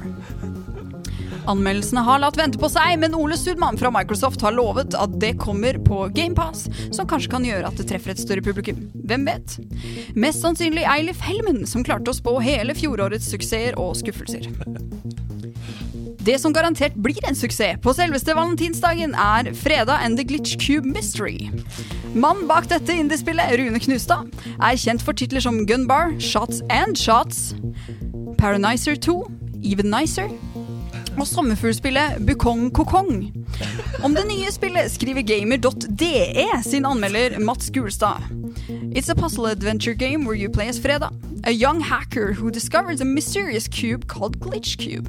The game features a variety of challenging puzzles as Fred- Freda works to uncover the secrets of the Glitch Cube and figure out its purpose. Along the way, she'll have to outsmart rival hackers Erik Myrstad and Christian understrek. Hack to secure the systems and navigate the complex web of clues and conspiracy to con- discover the truth behind the glitch cube. Fortvil ikke. Det kommer mer.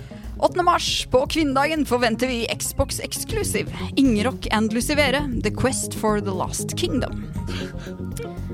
It's an action-adventure game as when you play as Ingerock and Lucivere, two brave warriors on a quest to uncover the truth behind the Last kingdom of Vahigli. The game features Det er ikke lov! Jeg ser for meg disse to menneskene. Jeg vet hvem det er. The Lost of Wahigli. De skal inn i ja. The Lost Kingdom. Ok. hyggelig. Okay. Ok. Er vi klare? Ja. The game features challenging battles, epic boss fights, and rich story as the duo navigate through treacherous territories, ancient ruins, and uncover the secrets of the lost kingdom. Høres det fett ut? Hæ? Ja. Gjør det til meg! Skal vi tro Simon Folkvord fra Sverdelandslaget, så blir det bedre enn begge fjorårets store Xbox-suksesser, The Awesome Bill, Count Your Dollars og Lindari Helsinger. Å, den er god. Men det er ikke bare i utlandet det produseres gull. Vår egen Eilif Helmen fra Jonning Studios har lovet oss Henrik Apeland, en slags norsk Monkey Island. Ja.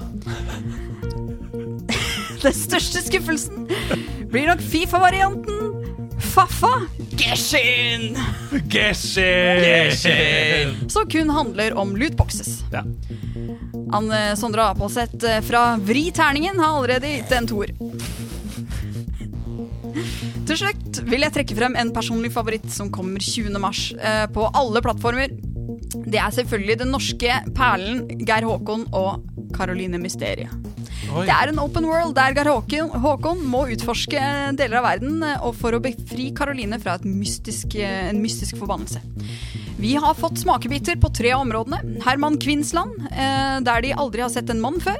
Lars Gravningsmyr, en myr som kan minne litt om The Dead Marshes fra Lord of the Rings. Og Simon Rognskog, der du får møte mange eksotiske dyr og insekter. Det ser utrolig flott ut så langt. Jeg har trua. Takk for at du lyttet, og husk, spill pent. Bazinga! Herlighet, du har jo brukt eh, for en jobb Ja. med å skrive dette. Det er så lite, så. Å jo da. Det jeg synes er så morsomt, er at jeg har jo lest alle disse navnene i Petron Perle mange ganger. Det har jo du også. Så plutselig få det i den konteksten er så utrolig gøy. Og, og Cheese McDoodles-eventyret, det, det tok meg, altså. Det er en, do, det er en del gode eh, Dungeons and Dragons eh, her, egentlig. Ja. Nei, det var veldig bra. Eh, bra jobba, og, Ida. Jeg håper de som var på um, Patron den måneden her, følte at det var bang for buck. Oh yeah! Ja. Eh, da er vi egentlig kommet til veis ende Ja. i denne episoden. Jeg har Har dere noe dere vil si? For jeg har en sånn hjertesak helt på slutten. Men har dere noe dere vil si før vi kommer dit? Jeg vil si at du skal fremme hjertesaken din. Ja. For dette her å, jeg, Det er så eh, utrolig humørskifte, for jeg blir så rasende uh, av dette. Men dette her det sto i fuckings Klassekampen under sånn dustete skråblikkspalte eh, denne uka her. Og det handler om en gruppe menn da som har blitt fremhevet i Sisvik. Sisvik hun har et eh, bokprogram på, på NRK P2, og der har denne gruppa her med menn blitt liksom fremhevet og sna- framsnakket i det programmet. Og her er den beskrivelsen av den uh, gruppa i Klassekampen. Hun har et bokprogram, som sagt. Uh, dette står i Klassekampen. En lesesirkel der menn leser fortrinnsvis tynne bøker av utelukkende kvinnelige forfattere, har gitt både leseglede og maskulint fellesskap. Og så er det anførselstegn. Plutselig sitter du på Zoom i livskrise, du snakker om et gammelt samlivsbrudd eller om din mor. Hvis du melder noe som er ekte og litt sårt for deg, så vet du at det blir hørt, forteller deltaker Trygve Svensson. Rørende. Skriver Klassekampen ironisk nederst. Og unnskyld for språket her, men det er faen meg vanskelig nok Ja. for en del menn Ja. Allerede å dele vonde ting, gjøre seg sårbare, nettopp pga. den fuckings holdningen her Mm. i Klassekampen som latterliggjør og som ironiserer når menn forsøker å snakke om det som er vanskelig. Det er overrepresentert med menn på selvmordsstatistikken. Og grunnen til det er pga. disse fuckings tingene her. Og de kan spise en bolle og gå ut og unnskylde for at dere er det her står på trykk. Det var delt masse på Twitter, og folk skriver sånn Hva er det dere holder på med? Alle menn der ute som tør å dele og som tør å snakke om vonde ting. Dere er superhelter. Vi elsker dere alle sammen. Dere er uredde og kule. Dere må ikke slutte med det, og drit i det, selv om det åpenbart er gamle, hvite 50 år gamle menn som sitter i redaksjoner rundt i Norge og latterliggjør dere fordi det er weak masculinity å dele av følelsene sine. Jeg blir så sint at jeg skjelver i stemmen. Eh, og jeg skjønner ikke at de kan trykke det. Klassekampen er gode på kultur, de er gode på masse ting, og dette er, dette er bare helt utrolig utakt med samfunnet. Så det var bare det jeg Jeg vil sende si. dere en liten hyllest, jeg. Dere i den bokklubben. Mm. Helt fantastisk. Og jeg syns det er veldig kult at dere tør å dele også. Jeg synes det er fantastisk. Jeg synes det er fantastisk Tenk at de har det. Og at de har den arenaen som vi har snakka i nederlandslaget før. At når noe kommer litt tett, så kan man dele det med noen mens man spiller Fortnite eller man spiller noe annet. Og så kan man, hvis det blir for nære, så kan man snakke om noe annet igjen. Det er jo det samme de gjør, bare at de bruker litteratur isteden. Eh, vi hyller det, og vi løfter det, um, istedenfor å uh, latterliggjøre det, sånn som Klassekampen gjør det. Det var min lille utblåsning på slutten. Kanskje vi skal lage en sånn ny sånn Halvor Johansson-aktig spate? Som jeg er sånn Skjerp dere! Med Andreas! Ja! Otto Jespersen-aktig. Ja. Ok, dere. Takk for i dag. Takk for i dag! Takk for i dag! Fortsett å nerd. Takk for de.